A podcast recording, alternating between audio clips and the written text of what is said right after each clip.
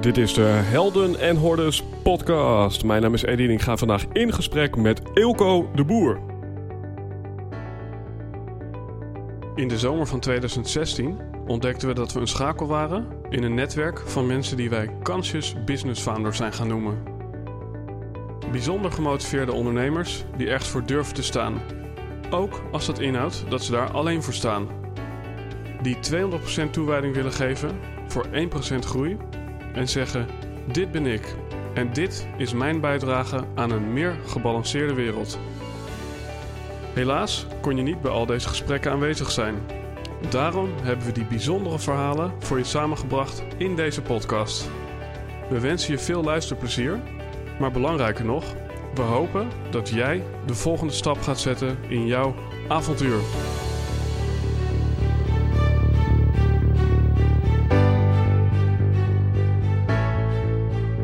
Yes, beste luisteraar, voor deze aflevering ben ik afgereisd naar Amsterdam naar de mancave van Ilko de Boer.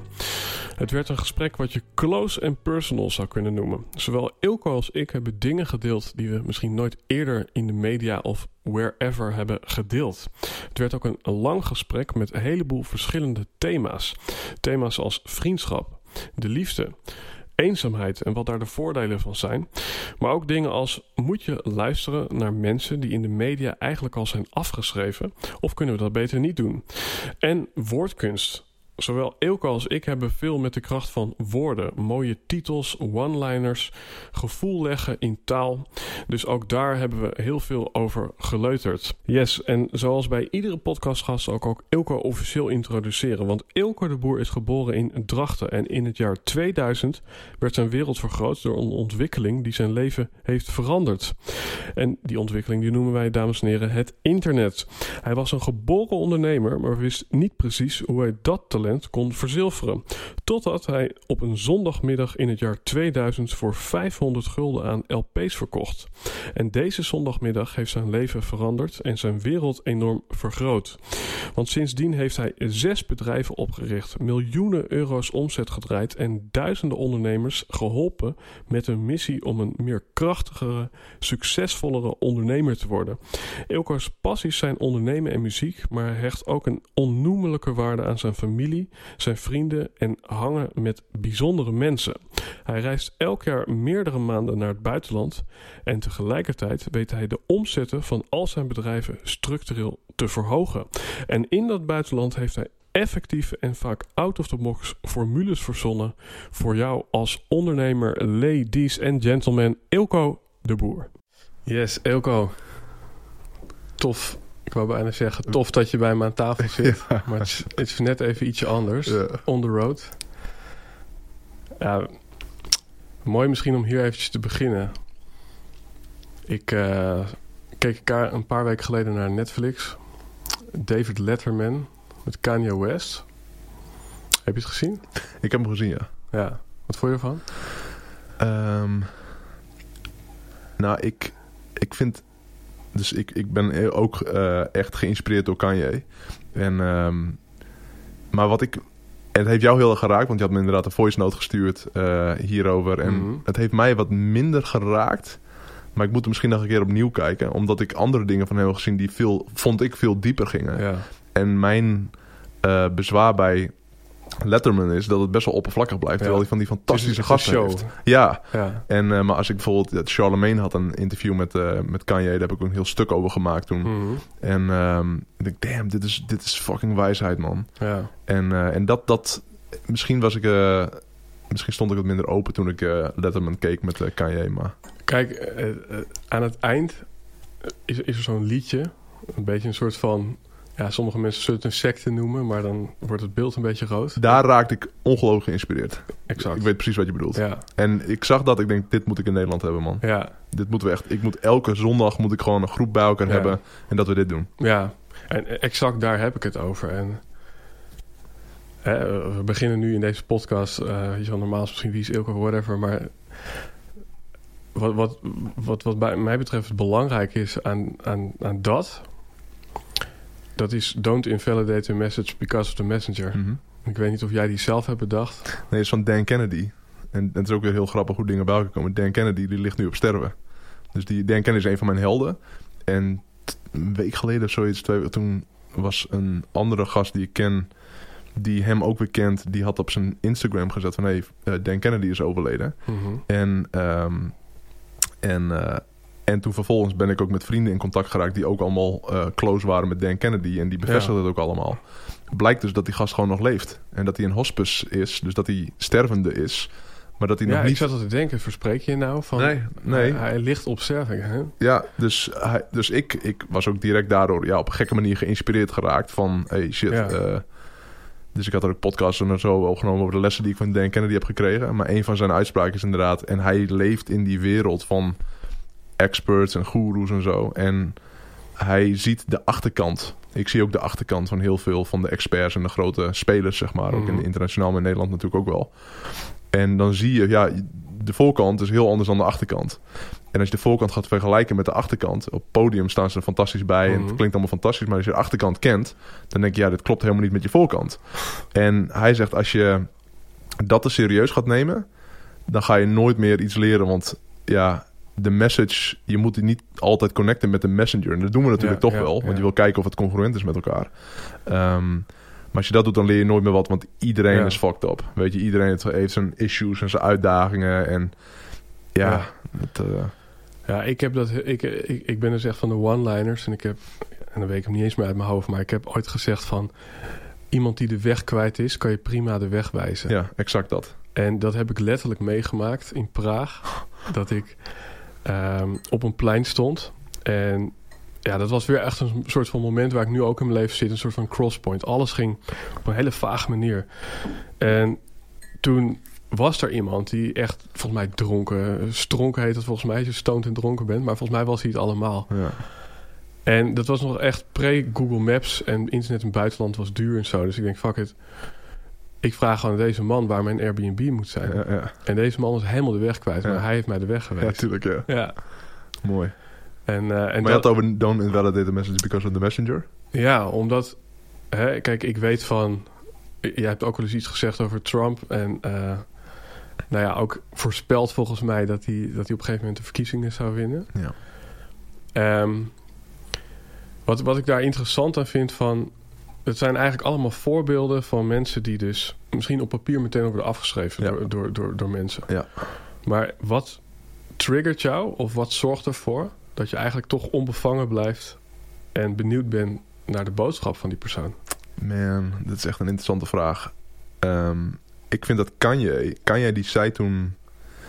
Kanye, weet ik wel, twee jaar geleden zo. Toen, toen- hij was heel lang eruit geweest. Omdat hij gewoon helemaal naar de tering was. En toen kwam ineens terug kwam hij op Twitter. En toen ging hij heel actief twitteren. En eh, maar echt van die rants gewoon van 200 tweets op een dag of zo. En hij had het hele tijd over Dragon Blood. En, ehm, en op een of gekke manier kon ik me daarmee identificeren. Want ik heb ook het gevoel dat ik Dragon Blood heb. En toen ging ik nadenken, ja, wie heeft nog meer Dragon Blood? Wie heeft nog meer dat? En Trump is er ook één van. Zeg maar, dat is ook zo'n gast die...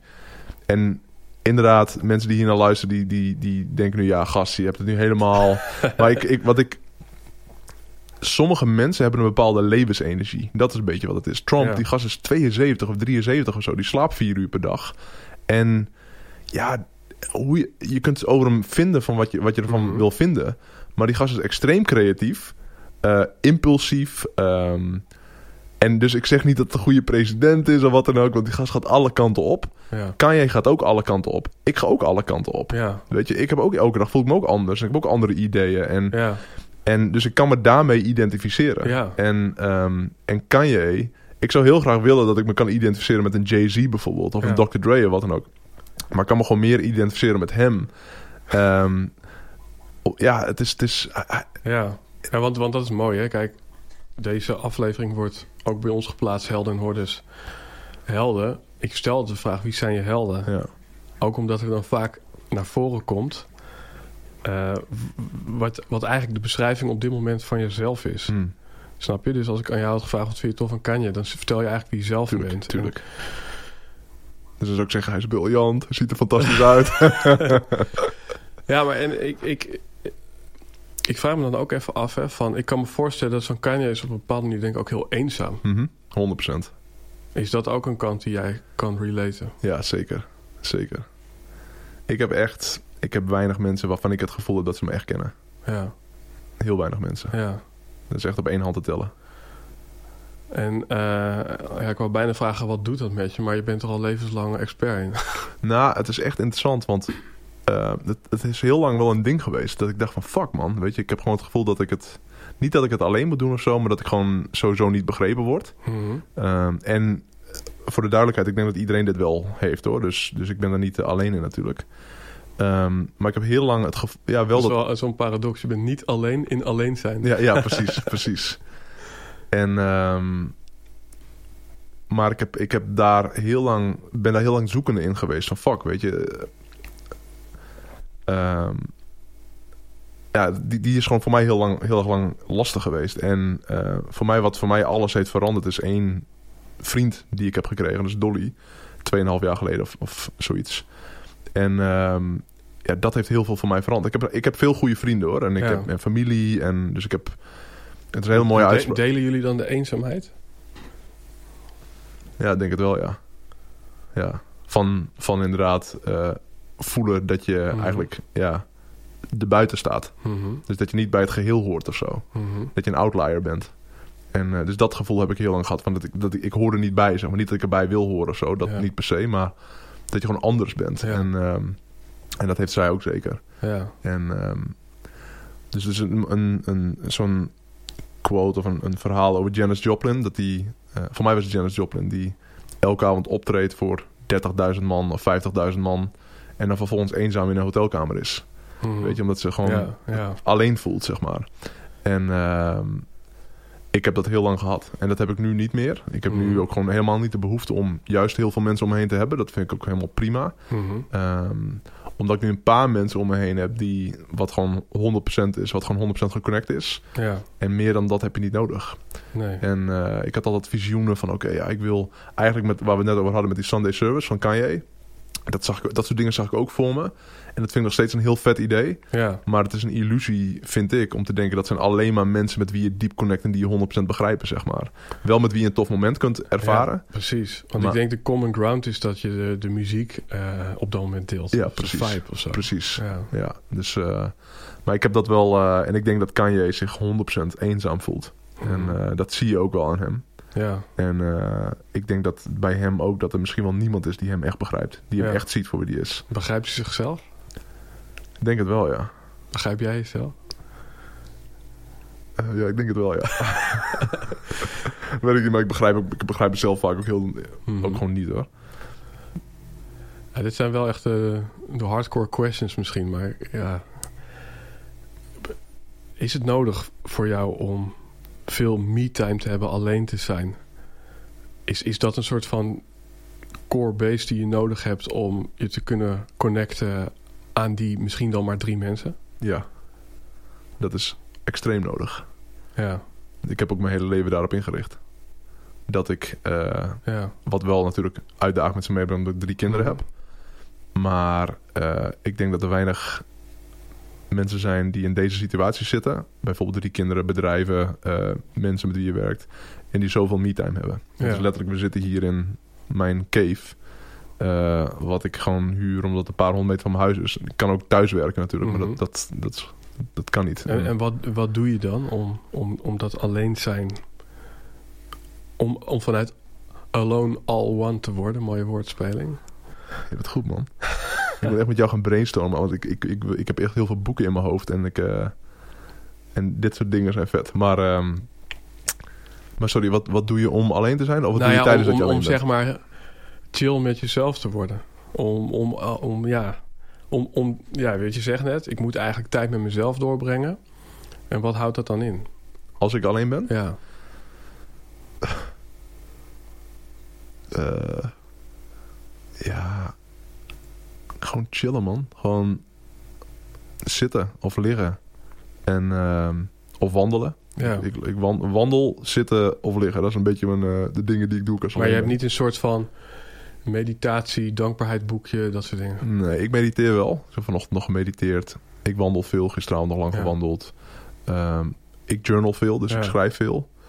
Eh, maar dat is echt wat er dan in, ja, waar ik dan op dat moment behoefte aan heb. Ik heb Ja. niet een vast eh, stramine of model. Dat werkt niet voor mij. ik, Mhm. ben niet, ik ben nu bezig met een, eh, een training aan het maken over hoe je, hoe je veel meer focus kunt krijgen en productiever kunt worden. Mhm. En een van de dingen in die training zeg ik ook van... ik ben niet iemand van de rituelen, ik ben niet iemand van de structuren... ik ben niet iemand Ja. van de... ik ben niet iemand die super gedisciplineerd is. Eh, al denken mensen dat wel, zeg maar. Eh, maar ik ben al die dingen niet. Ik ben Mhm. eigenlijk heel erg vrij en soort van chaotisch. Maar als je daar wel een goed, goede structuur omheen bedenkt... dan kun je echt goed je ding doen. Ja, En ehm, ja dus, dus je, je, ga, je, je- ja. je hebt een structuur gebouwd waarin je compleet chaotisch kan ja, zijn. ja, ja, Ja, precies dat. ja. Ben, je, ben je minder alleen geworden door de jaren heen? Ben je minder alleen geworden? Ja, dat je bijvoorbeeld, omdat je chiller bent met jezelf, Ja, of dat omdat je Dolly hebt ontmoet, dat je daardoor minder alleen bent geworden? ja. Ja, ik kan heel goed met mezelf zijn. Ja. Zonder eh, ongemakkelijk daarmee te zijn. Mhm. En dat is wel als je... Natuurlijk heb ik ook een periode gehad dat, je, dat het moeilijk is om, al- om met jezelf te zijn... omdat het bijvoorbeeld niet goed gaat. Mhm. Of dingen niet goed gaan of wat dan ook. Of dat je misschien diep van binnen niet helemaal blij bent met, met, met jezelf. Met Ja. hoe je het doet of hoe je het hebt gedaan of dat soort dingen. Dat je schuldig voelt of dat je schaamte voelt of dat soort dingen.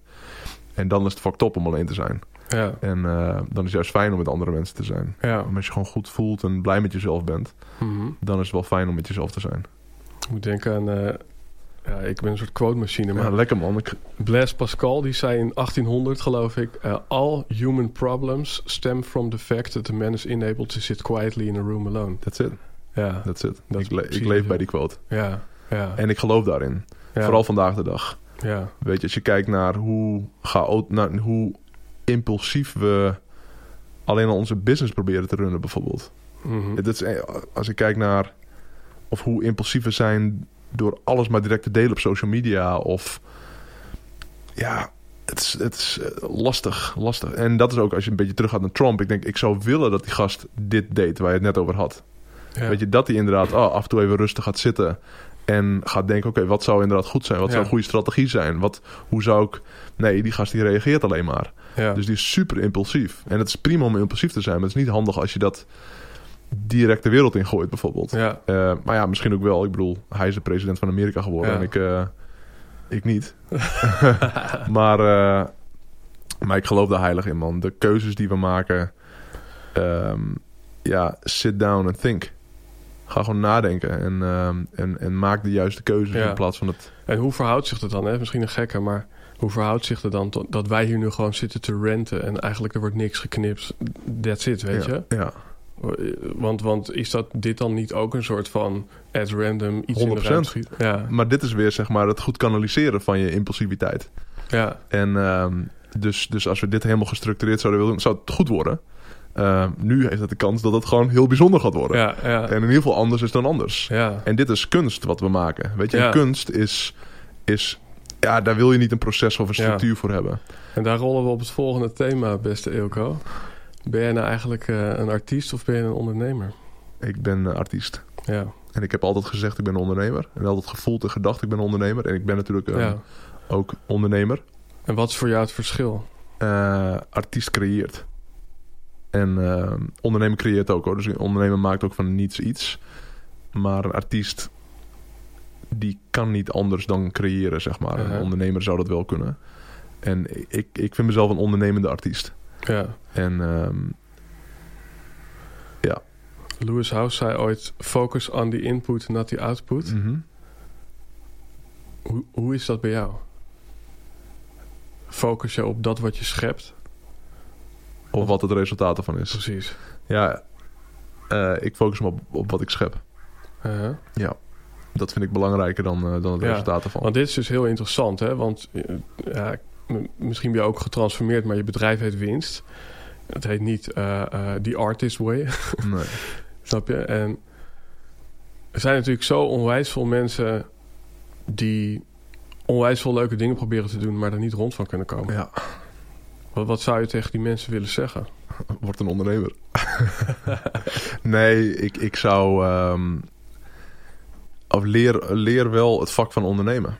Ja, En ehm, dus ik zeg, ik ben artiest, maar ik ben ook een goede ondernemer. Ik snap ondernemerschap heel erg goed. En ehm, alleen ik vind die artiestenkant vind ik leuker. Dat is meer zeg maar als ik als ik als ik nu ehm, blanco zou moeten als ik ergens start ik heel veel dagen om blanco, maar dan heb ik zin om te creëren en niet Ja. zozeer om te ondernemen. Ik heb niet zo direct zin. Natuurlijk hebben we wel ideeën om te ondernemen, maar ik vind het vet om vette dingen te maken. Ja. En ehm, en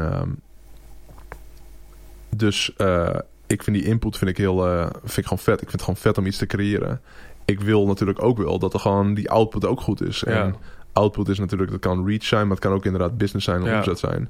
En als je een artiest bent die eh, eh, starving is Mhm. en worstelt, ehm, wat je vak ook maar is, of je nou een zanger bent of een expert of ehm, een designer of wat dan ook. Leer marketing en leer sales. En als je die Ja. twee dingen, als je marketing en sales echt begrijpt en als je er goed in bent, Mhm. en dat is ook gewoon artistic. Weet je, Mhm. sales is 100% een kunst. Ja. En marketing is ook 100% een Ja. kunst. Als je die twee dingen begrijpt, wordt je leven gewoon voor de lange termijn een stuk makkelijker. Mooi. Ik heb eh, met eh, Peter Maasnam gesproken. Eh, hij heeft in Amsterdam Sloterdijk heeft hij de Amsterdam Art Center. En hij noemt zichzelf een entrepreneur. Oh ja. En hij leidt mensen daar ook toe op. En Ja. hij is daar ook heel succesvol in. ja. Maar ik vind dat een heel interessant speelveld. En ik, iedere vraag vraag ik natuurlijk ook aan mezelf hier. En ik denk ook van ja, weet je, ik ben eigenlijk ook gewoon een artiest. Mhm. Ehm, maar wat ik eigenlijk uit jouw verhaal haal is... En dat vind ik wel mooi. Het is gewoon alles doen in een state of art. Mhm. Weet je wel? Dus alles doen vanuit een soort creatieve energie. Mhm. En ik denk, dan wordt het ook niet meer zo'n hiccup om sales te doen of marketing. Omdat het gewoon ook jij is. Mhm. Weet je? Het is gewoon be your marketing, zoals Ja. een vriend van mij zegt. Ja. Mooi man. Ik zou bijna zeggen dat jij iets moet doen met die quotes en zo. Ja, nou, ik ben er ook al begonnen, maar het is echt serieus dat ik denk, in een week of zo zit ik in deze energie, dat ik, dat ik daarin kan landen. Mhm. Het is een beetje als, zoals het boekje van de alchemist van, die ging heel erg op zoek en kwam uiteindelijk uit dat de schat in zijn achtertuin lag. Mhm. Die lag er altijd al, maar je moet Ja. wel, wel eerst een flinke omweg maken soms, Ja. om, om dat te erkennen in jezelf. Nee, maar dus, ik bedoel, wij hebben elkaar nog nooit ontmoet, toch wel? Nee. Nee. En we hebben via social een paar keer contact gehad de Ja. afgelopen jaren. Ehm, en ik ken mensen die namen bedenken, bijvoorbeeld. Weet je, dat is Mhm. hun vak. En waarvan ik niet direct vind dat ze met hele goede namen komen. Het is niet jouw vak om namen te bedenken, maar je hebt mij ooit, en ik zal de naam nu niet zeggen, want het is, eh, ik wil hem nog steeds. eh, eh, maar ik had ooit, of ik zei in een podcast dat we nog op zoek waren naar een naam voor een Ja, podcast. had dan ik ook. jou getwitterd, ja, dat En klopt. toen had je mij getweet en ik denk, fuck man, dit is hem gewoon. En het gebeurt niet, want ik vind mezelf ook wel goed in namen. Ja, Het gebeurt niet vaak dat iemand naar mij toe komt en zegt: Hé, hey man, deze naam. En ik, damn, oké, dan. Weet je, dit, die, hij is gewoon, hij klopt helemaal. ja, ja, En het is dat ik het concept van die podcast eh, nog niet helemaal 100% doe. Dat ik die naam nog niet gebruik. ja, Maar ik vind hem briljant. ja, En, eh, en alleen die naam, zeg maar dus als je kijkt naar alleen het podcastlandschap, ja, is zo'n naam 100% onderscheidend. ja. Dus de meeste is de, de, de ehm, en, eh, een motivatiepodcast of Ja, whatever, ja, dat soort dingen. Maar dit een naam, oké, die, die snap je direct. Ja. En, eh, dus, die, en dus daarmee... Maar eigenlijk is dat, dat is misschien heel abstract wat ik nu zeg, maar het is een naam die zowel artistieke lading draagt ja, als de bill pace, of de pace de bill, ja, zeg maar. ja weet je wel? precies. Ja. Weet je wel, het, het converteert. Ja. En dat is eigenlijk waar we het net over hadden. Van die, een soort van die, die, die crossover tussen ondernemerschap en, en entrepreneur. Ja, Ja, ja, dat. Ja. En nu hebben we het eigenlijk over de kracht van woorden, Elke. ja. En eh, er was nog iemand overleden. Ehm, en toen zei het, daar, daar had jij zelf iets uit gedestilleerd van het belang van de juiste woorden gebruiken. Maar hier moet je hem zelf even oppakken. ja, hij, Sean Stevenson. En eh Sean Stevenson zit in een groep waar ik ook in zit, in, eh, in Amerika. Mhm. En ik ken hem al, eh, al een paar jaar. En, ehm en het is een man van, nou, ja, het is 3 foot, wat is het, 50 centimeter of zoiets. Mhm. En ehm, zit in een rolstoel. Ehm, eh, ja, eigenlijk alles wat tegen kan zitten, zit hem tegen. Hij heeft, ik geloof, iets van 60 keer heeft zijn botten gebroken. Ehm, nou, zit natuurlijk in een rolstoel. Ehm, maar hij heeft one gift en dat is zeg maar zijn voice. En Ja, niet- ja, hij heeft ja, ook een, een... En het klinkt een beetje lullig, maar hij heeft een nare stem om naar te luisteren ook nog een keer. Het is een... Mm. een totdat je hem echt hoort, zeg maar. En dan hoor je die nare stem niet meer, zeg maar. Maar hij heeft zo'n hele rare pieps. Zo'n Ja, hele... ja, gewoon, ja. En dus als je, als je dat in eerste instantie zo hoort, ik, ah, en, maar als je hem echt hoort, dan hoor je die, die stem niet meer. En dus alles zit hem tegen, maar ook om een, een speaker te worden. Ja. En maar dat is wat hij is geworden. En eh, die gast, jongen, die gast is fucking briljant. Of was fuck- fucking briljant als hij op het podium zijn ding deed. Extreem gevoel voor humor, weet je. En echt hardcore humor gewoon. Hij maakt die hele zaal gewoon met de, met de grond gelijk. Hij, hij dist al zijn medesprekers. en iedereen vindt het ook weer fantastisch, want hij kan dat doen, zeg maar. Hij zit in die positie en super scherp. Echt niet normaal. En, ehm, en, eh, maar ook gewoon een hele bijzondere man. Mhm. En, ehm, en zijn spirit, ik denk, damn man, weet je, ik had, weet je, ik had vast vanochtend was ik een chagrijnig. Ik had helemaal geen zin om, om dingen te doen of te gaan trainen of dat soort dingen. En die gast die, die, die, die traint elke dag, terwijl die in, Ja. in zijn rolstoel zit. Ja. En eh, dat is het eerste wat hij doet. Neemt een groene shake en eh, echt een inspiratie, eh, echt een rolmodel. En, ehm, en dus een, ik denk een maand of twee geleden zo waren we aan het eten met, met een aantal mensen. En hij zat naast mij. En hij keek me aan en hij zei... eh, every time I see you, you look happier. ja. En ehm, ja, dat raakte me gewoon heel erg. Mhm. Want het klopte ook, weet je. Het, het gaat goed met me en ik ben Mhm. blij en ik ben gelukkig. En, eh, maar er is ook een periode geweest dat ik niet blij was en niet gelukkig was. En voor hem om dat ook te Mhm. zien... En wat ik ook in mijn podcast zei, was dat... eh, weet je, mensen zeggen wel van... Hey, je ziet er goed uit omdat ik ben afgevallen en fitter ben geworden en dat soort dingen.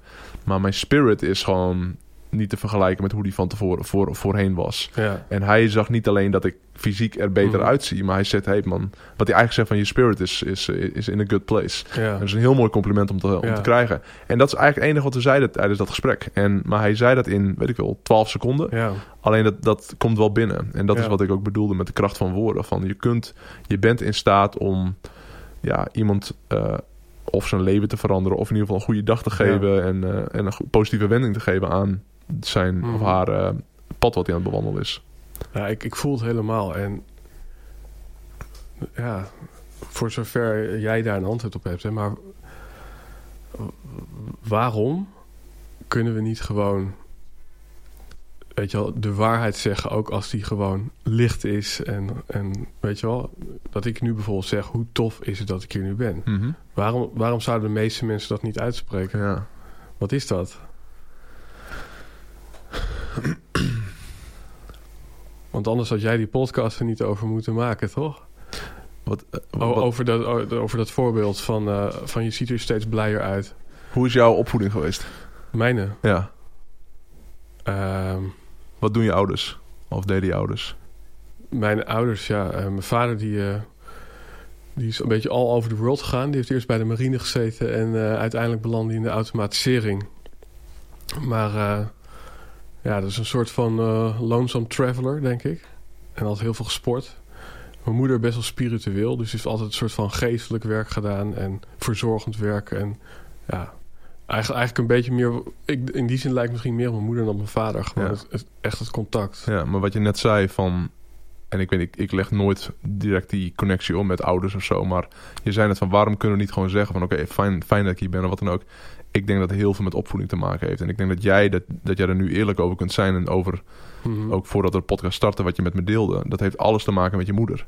Mhm. Weet je, dat je moeder jou zo heeft opge- opgevoed. En dat ik ook eh, eh, vrij kan spreken over bepaalde dingen. Heeft ook alles te maken met... Ja, En daarom vroeg van wat deden je ouders? Mijn ouders komen ook uit de zorg. Waren ook verzorgend. ja. En, ehm, en, en, dat, dat, en ik, zie, ik, ik, ik zie dat ook bij mijn ehm, vrienden van vroeger. Ja, die, die hadden niet zulke ouders, zeg maar. Die hadden goed, allemaal goede opvoeding en zo. Mhm. Maar die zeiden bijvoorbeeld nooit: Ik hou van jou tegen hun ouders. Terwijl ik ben er echt mee opgegroeid om gewoon Ja. dat te zeggen. ja. Dus het is voor mij ook heel normaal om tegen mensen om me heen te vertellen. Ja. Van, te zeggen: van, Ik hou van jou. En, ehm, en, eh, maar als je, als je dat alleen al. Als, je, als dat alleen al awkward was, als je jong was, is het later al moeilijk om te zeggen: Ik hou van jou tegen iemand. Terwijl voor mij is dat heel normaal. Ja, ik denk dat ik wel durf te zeggen, als je dan toch over radical truth hebt. Ik, ik heb dat ook wel echt een stuk in mezelf ontwikkeld. Ja. Eh, ik ben gewoon misschien eh, door het leven of zo, maar ik heb echt al dingen meegemaakt. Weet je wel, in the heat of the moment. Soms als je echt soort van heel laag zit, dan, dan is er nothing but truth. Mhm. En op dat soort momenten spreek ik gewoon uit wa- wat iets voor mij betekent. Ja, en het is inderdaad mooi dat je niet per se diep hoeft te gaan om die truth te kunnen uiten. Ja, en dat, en dat is inderdaad. eh, weet je, het is een soort van als je naar de bodem van een put gaat en je. Daar zie je in één keer het antwoord. Om hem dan ook mee naar boven te nemen, Ja, zeg maar. ja, ja, ja, precies, exact dat. Ja, En, want het is een gift, man. ja. En ja, die gifts die liggen daaronder in die put. Maar het is wel handig om ze mee te nemen. Ja, ja. En niet alleen maar daar, daar mee te connecten. ja, dus als je op je bek gaat, raap op wat je tegenkomt. Ja. ja. Ah, mooi. En, nee, maar dit is voor mij een soort van heel dubbelzinnig thema. Omdat ik merk van... Weet je, jij, jij geeft me net een soort van compliment over mijn soort van verbal skill. En toen zei mijn zus, als je het dan hebt over mooie quotes... heeft mijn zus ooit een keer iets bedacht. Je gave is ook altijd je opgave. Mhm. En dat vond ik echt een super mooie. Ja. En, en, en, en nu, als ik echt heel eerlijk met je ben, dan is die verbal skill eh, is ook eh, mijn verbal kill, zeg maar. Ik, heb, Mhm. ik heb daar mensen misschien wel letterlijk op verloren. Hm. Omdat, weet je wel, ik ben verbaal heel sterk. En dan is het soms... Soms heb je gewoon een huk nodig. Mhm. Of soms heb je gewoon wat jij dan noemt oogcontact nodig. Ja, en ja. en dat, dat vind ik dan wel interessant. Iets waar je vaak heel goed in bent, dat Ja. is ook vaak een itch waar je heel veel problemen mee kan Ja, ervaren. dus ik heb, eh, weet ik veel, ik zit niet lekker in mijn vel of wat dan ook. En dan kom bij jou en vervolgens heb je dan een hele goede theorie of... Dan kom ik een soort inspirational talk, terwijl Ja. jij eigenlijk gewoon alleen maar wil ik voor je ben. Ja, ja, ja, een biertje met je drinken, wat dan ook. Ja. Ja, ik snap het wel, ja. En, en ook dat, dat, dat raap ik nu even op uit, Ja. uit een soort van per- personal eh, ja, situatie. Ja, Wat is bij jou, hè? Wat, is er bij jou ook zo'n gave opgave stuk waarvan je denkt van ja, op dat stuk daar ben ik echt snoeigoed. En tegelijkertijd, als ik bijvoorbeeld kijk naar mijn intimie, dan vinden ze dat soms wel eens irritant aan mij. Ehm, Heb jij ook zoiets? wat denk jij? Ja, goede vraag. Ik stel gewoon terug. Ja, ik denk een van die dingen is dat jij een soort van volledig, eh, er zit helemaal geen lading eh, op geld voor jou. Mhm. En ik kan me voorstellen dat sommige mensen daardoor over jou struikelen. Ja. Dat is heel grappig. we zijn- we hadden een... eh, we hadden een... eh, even kijken, hoe ga ik dit vertellen zonder iemand...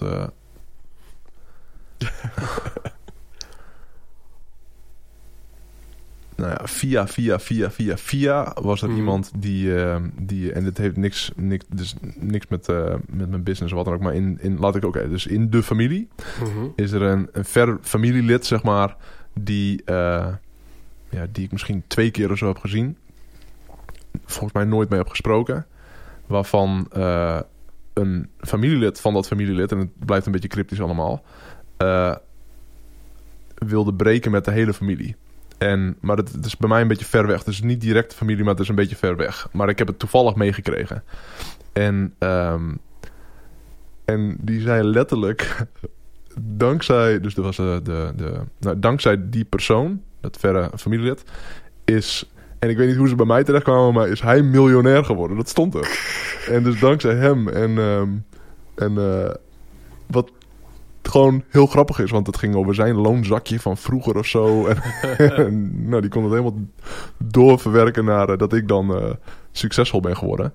Ehm, en nou, je hebt het over geld en de lading van geld. En dat is voor mij gewoon inderdaad, er zit weinig lading op. Mhm. En het is ja, eh, nooit, nooit geweest ook, zeg maar. Ik heb het altijd gewoon, gewoon gezien voor wat het is. En, en, ehm, en voor heel veel mensen zit er wel een lading op. Mhm. En het is heel grappig, heel veel familie van ons of eh, familie die, die eh, we dan niet vaak zien. Of kennissen die we niet vaak zien. Dus die misschien één keer per jaar op een feestje of zo zien. Die weten allemaal van oké, ja, Ilko ziet zijn kinderen bijna niet. En Ilko is bijna nooit thuis. En Ilko die heeft het altijd druk. En ik Mhm. denk, maar oké, maar ten eerste, hoe weet je dat? Want ik zie je één keer per jaar. En ten tweede, het klopt gewoon ook helemaal niet. Maar omdat ze zien van oké, hij heeft succes, moet er iets tegenover Ja. staan. Zo'n en dat- ja. Ja, Ja. Het, is, het is alsof tegenover succes moet iets slechts staan. Mhm. En, ehm, en het is mijn overtuiging dat dat gewoon niet zo is. Of niet Ja. hoeft, zo hoeft te zijn. ja. En, eh, en geld is sowieso een heel interessant ding. Dat hoeveel mensen. ehm, eh, met hoeveel mensen heb je gesproken over geld en hebben ze inderdaad voorbeelden genoemd van mensen bij wie het mislukt is, die zijn gescheiden of dit en dat. Mhm. Ja, ja, hoeveel arme mensen scheiden, Ja. weet je? Of Ja. hoeveel arme mensen of mensen met weinig geld eh, Ja. halen streken uit. Ja, we zijn allemaal mensen. Maar omdat je geld hebt, betekent niet per se dat je daardoor streken uithaalt. Het is fascinerend. ja. Het is fascinerend. Ja. Want waar, waar we het nu eigenlijk al over hebben, hè, dat is de horde-kant van helden en hordes. En horde staat voor obstakels, maar het is ook een Nederlands woord voor de massa. Ik kan me voorstellen dat je hier al een soort van, dat het een soort van tien stations achter je ligt, maar heb je nog wel eens last van omgeving die, die jou benadeelt? Of dat je je onzeker voelt of zo? Nee. Want dan kom ik nog een keer bij Kanye. Van omgeving is sterker dan wilskracht. Ja. Is, is er nog iets wat jouw willpower, zeg maar, Nou, als je het hebt over omgeving... staat? Tuurlijk heb je qua omgeving... Als ik denk aan... Als je het hebt over de, over de, over de horde of over... eh, eh, mensen die fysiek in je omgeving wonen of zo. Of, dat, of mensen die wat van je vinden, wat dan ook. I don't give a fuck. Weet je, maakt me echt... Ik vind het grappig Mhm. allemaal. Want ik, ik weet wie ik ben. Ja, Dus wat zij over mij vinden, maakt me echt geen reet uit. ja, Tuurlijk, als mensen van dichtbij iets van je vinden... ehm stel dat mijn ouders iets van me vinden... Of, Mhm. of mijn zus of mijn vrouw of mijn kinderen... Ja, dan neem je het wat serieuzer natuurlijk. ja. Ehm, dus, eh, maar verder, eh, ja, ik heb daar geen, eh, ik heb daar geen last van of zo. Mhm. Dat heeft weinig impact op mij. Mensen die ik echt respecteer Mhm. en die, ik goed, die ik ook goed ken en ik weet ook dat ze mij goed kennen, daar, dat neem ik natuurlijk serieus. Maar als ik alles serieus zou nemen over wat mensen van me vinden of over Ja. of reageren op een post of zo, denk ik ja. ja, maar dat zegt Gary Vee ook heel mooi. Die zegt van, eh, wat is het directe voordeel van je geen reet aantrekken van je omgeving? ja, tempo. Ja, tempo. Ja. Ja, ja super mooi. Ja. We hebben het nu zeg maar over je omgeving. Weet je, wel. je kan het zien als. Hè, dus misschien. Je kan ook wel geraakt worden door iets. Ik, ik merk van. Er zijn best wel wat dingen. Dan noem ik bijvoorbeeld die, die, die heroes die dan overleden zijn. of bijna overleden zijn. Ehm, of dat mensen op het terrasje een beetje aan het eh, motten zijn. en eh, niet echt uitspreken wat er nou speelt.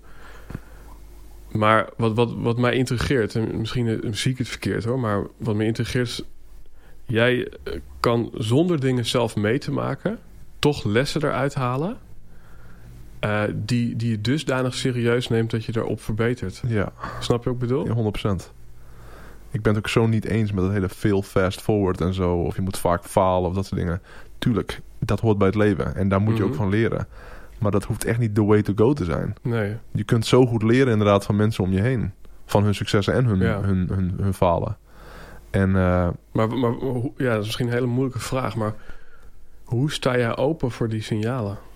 Hoe, hoe sta jij open voor. Weet je, iemand kan bij wijze van spreken zeggen van nou, Elko, eh, als je thuis bent, eh, misschien volgende keer lap- laptop even dicht laten, maar dat je dat echt meteen opslaat en denkt: oké, dit is een serieuze, hier ga ik mee aan de slag. ja, Laat het zo zeggen, ik heb best wel wat signalen gemist, ja, om eerlijk te zijn. ja, En, en dan kom je op een gegeven moment, weet je wel, dan ko- komen de lessen steeds harder bij je terug. ja. Ja.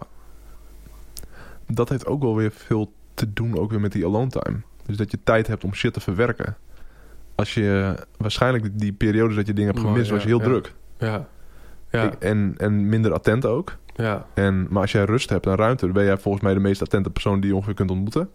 Eh, dat is een beetje mijn gevoel bij jou. ja, Maar als jij druk bent, dan ben je afwezig. Ben je in je Ja. eigen hoofd, ben je in je eigen wereld. ja, En, ehm, en dan mis je die signalen. Ja. Je, je, je, je ziet ze wel, ja. maar ze komen niet binnen. Nee. Je, omdat je geen ruimte hebt om het binnen te laten komen. Dus je ja, blokkeert ze. Er moet gewoon eerst iets weg voordat er iets bij kan. Precies, ja. precies. Ik heb dit zelf heel erg... Voor mij wat een mega les was, was voor mij ehm, een jaar of vijf geleden. Ik had een, eh, ik had een, eh, relatief klein team. Mannetje of acht of zo. We hadden toen Mhm. een groot kantoor. En, ehm, en ik... allemaal verschillende ruimtes en ik ben super intuïtief. Dus ik voel eigenlijk wel altijd of iets klopt of niet klopt. Of of iemand klopt, of het goed gaat met diegene of niet, of wat dan ook. En ik kon dan echt door die, door die hal lopen. En dan voelde ik, hey shit man. Het gaat niet goed daar. Dan liep ik daarheen. Ik zo, what's up? En eh, ja, alles prima. Ik zei, maar what's up? Mhm. En dan 23 minuten later was een belangrijk probleem was... Weet je, de lucht was geklaard en kon diegene weer verder. En, eh, en dan liep ik er door die hal en voelde ik... Hey shit, daar, something is up. En dan ging ik daar naartoe. Want ik voel... Ja, ik, ik, ik heb daar gewoon een, een, een ja. sterke intuïtie Maar ik voor. kan me ook voorstellen dat je dat verder ontwikkeld hebt. Hè? Want ik... Maar wacht even, wacht even.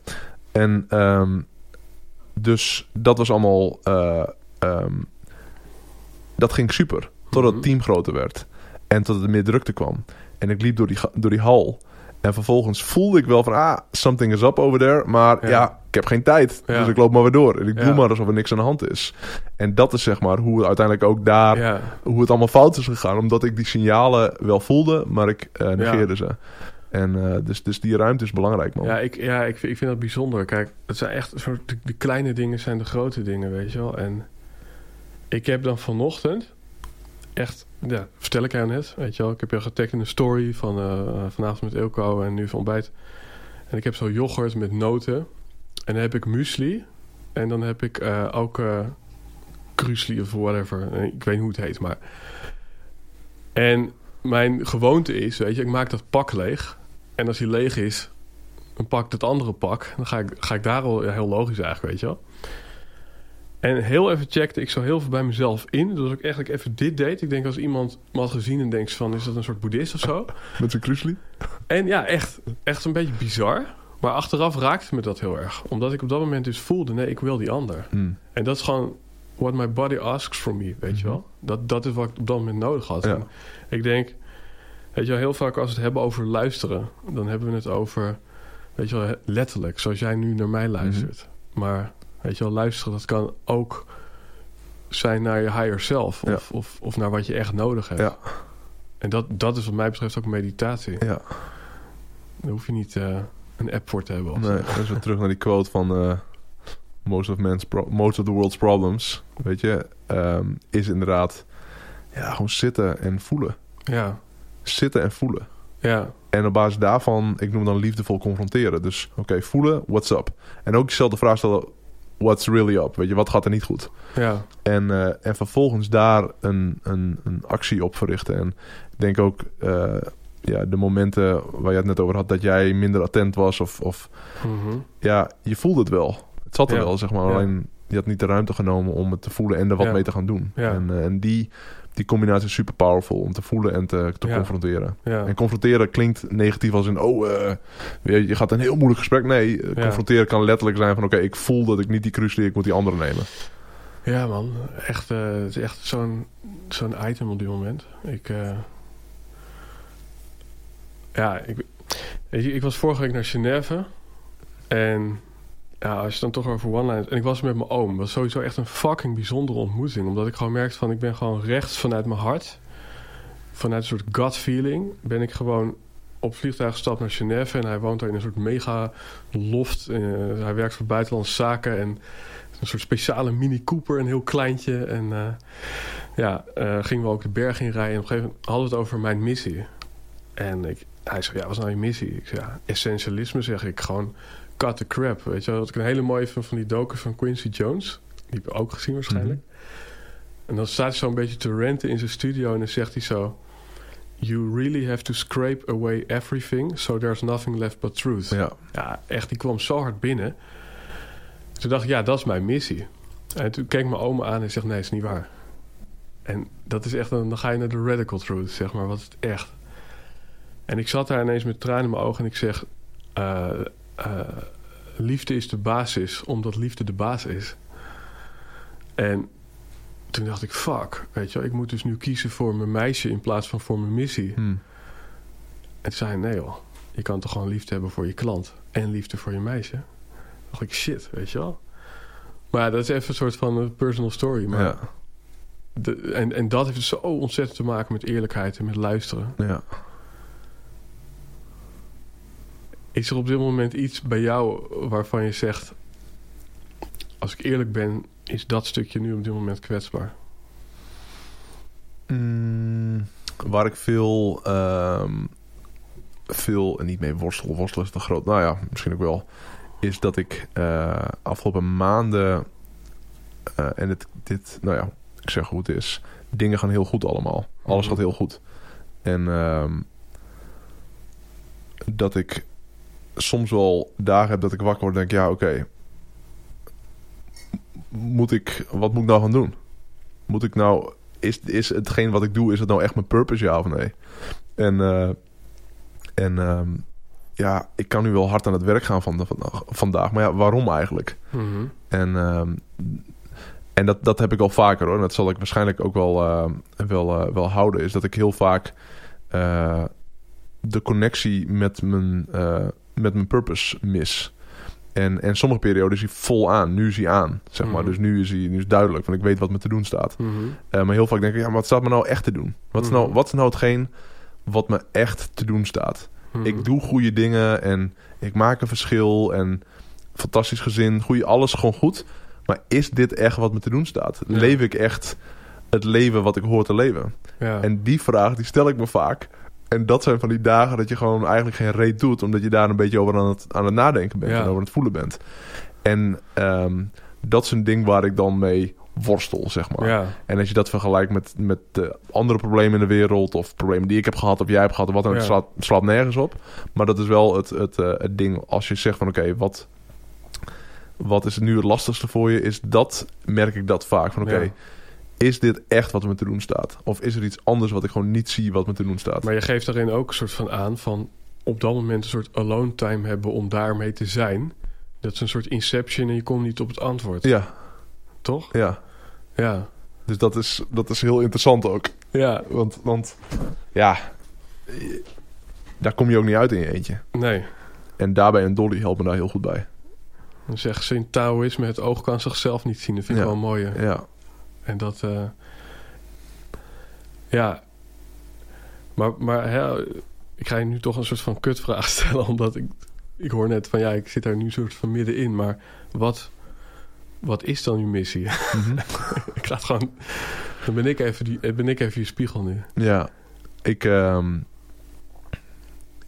mijn missie is eh, dat ik een creator ben.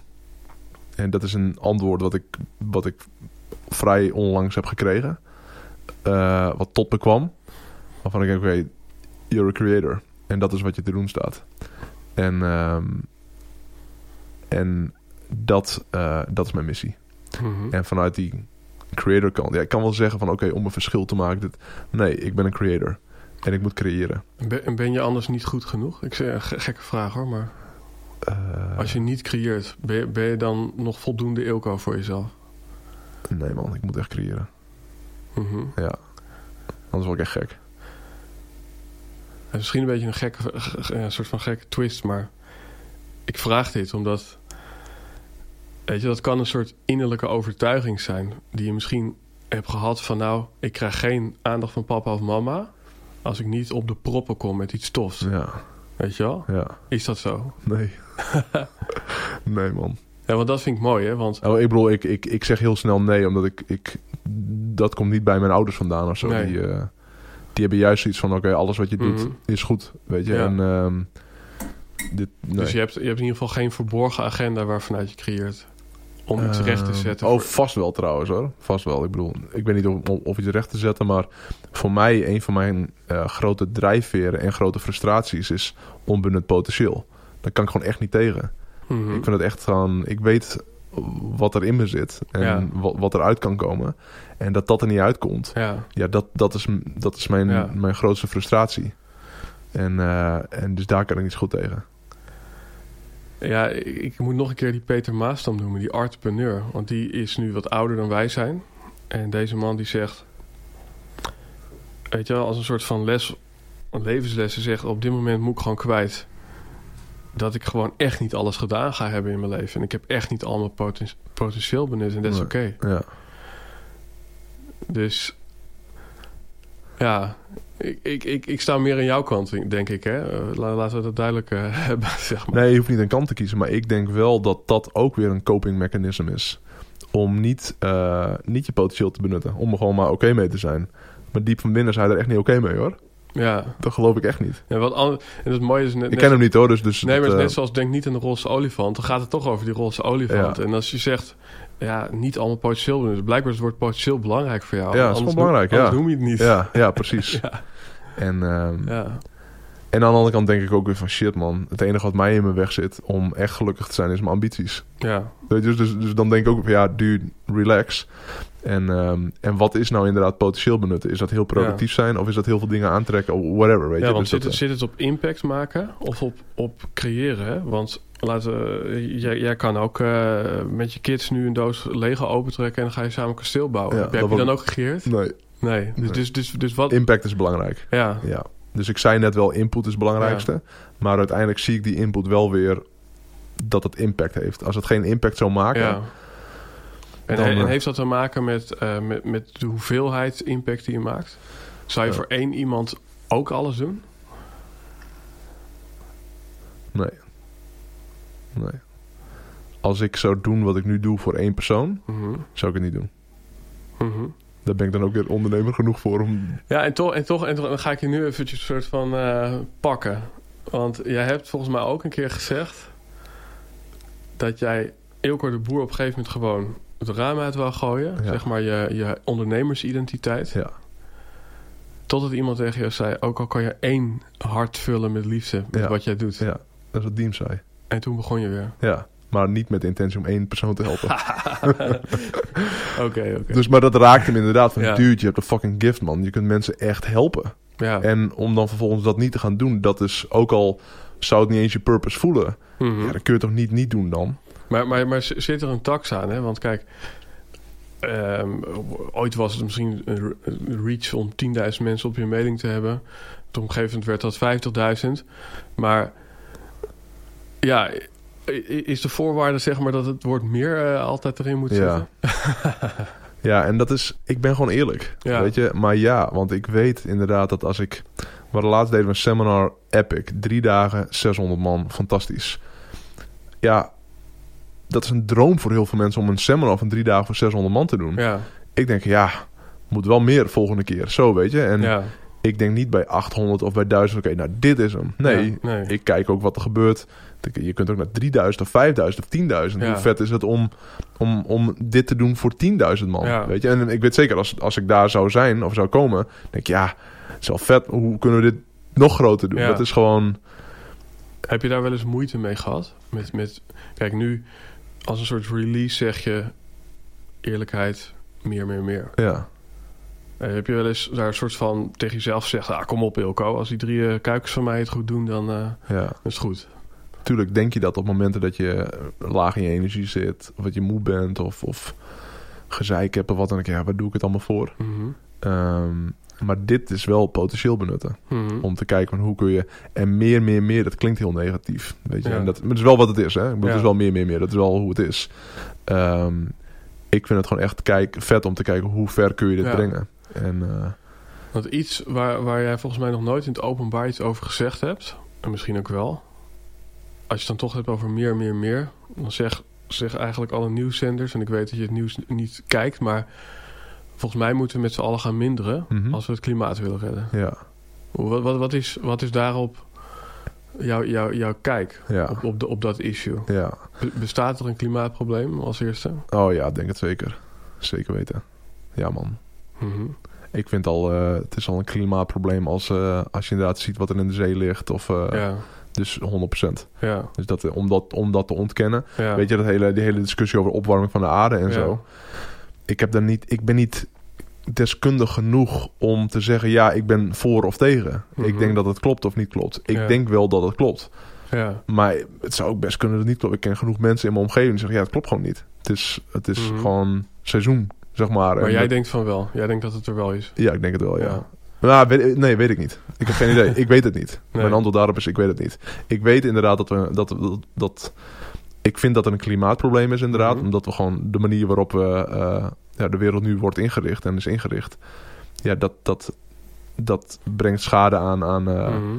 aan de wereld. Ik weet niet zeker, maar dat is nogmaals... Maar, is, maar is, dat, is dat iets van... Kijk, kijk, kijk, los van inderdaad van alle wetenschappen en statistieken. Kijk, mijn, mijn eigen gevoel hierin is... dat het ook gewoon daaronder zit gewoon hoe ga je met, met elkaar om? Mhm. Ga, je, ga je met liefde met spullen om? Weet je wel, heb je iets op je bord liggen? Zeg je I don't care, het gaat de prullenbak in? Of denk je nee, weet je, daar hebben mensen voor gewerkt. eh is iemand misschien voor gestorven? Laten we het gewoon lekker helemaal opeten. Ja. Maar heb je wel eens dat je bijvoorbeeld het vliegtuig instapt... en dat je toch een soort van...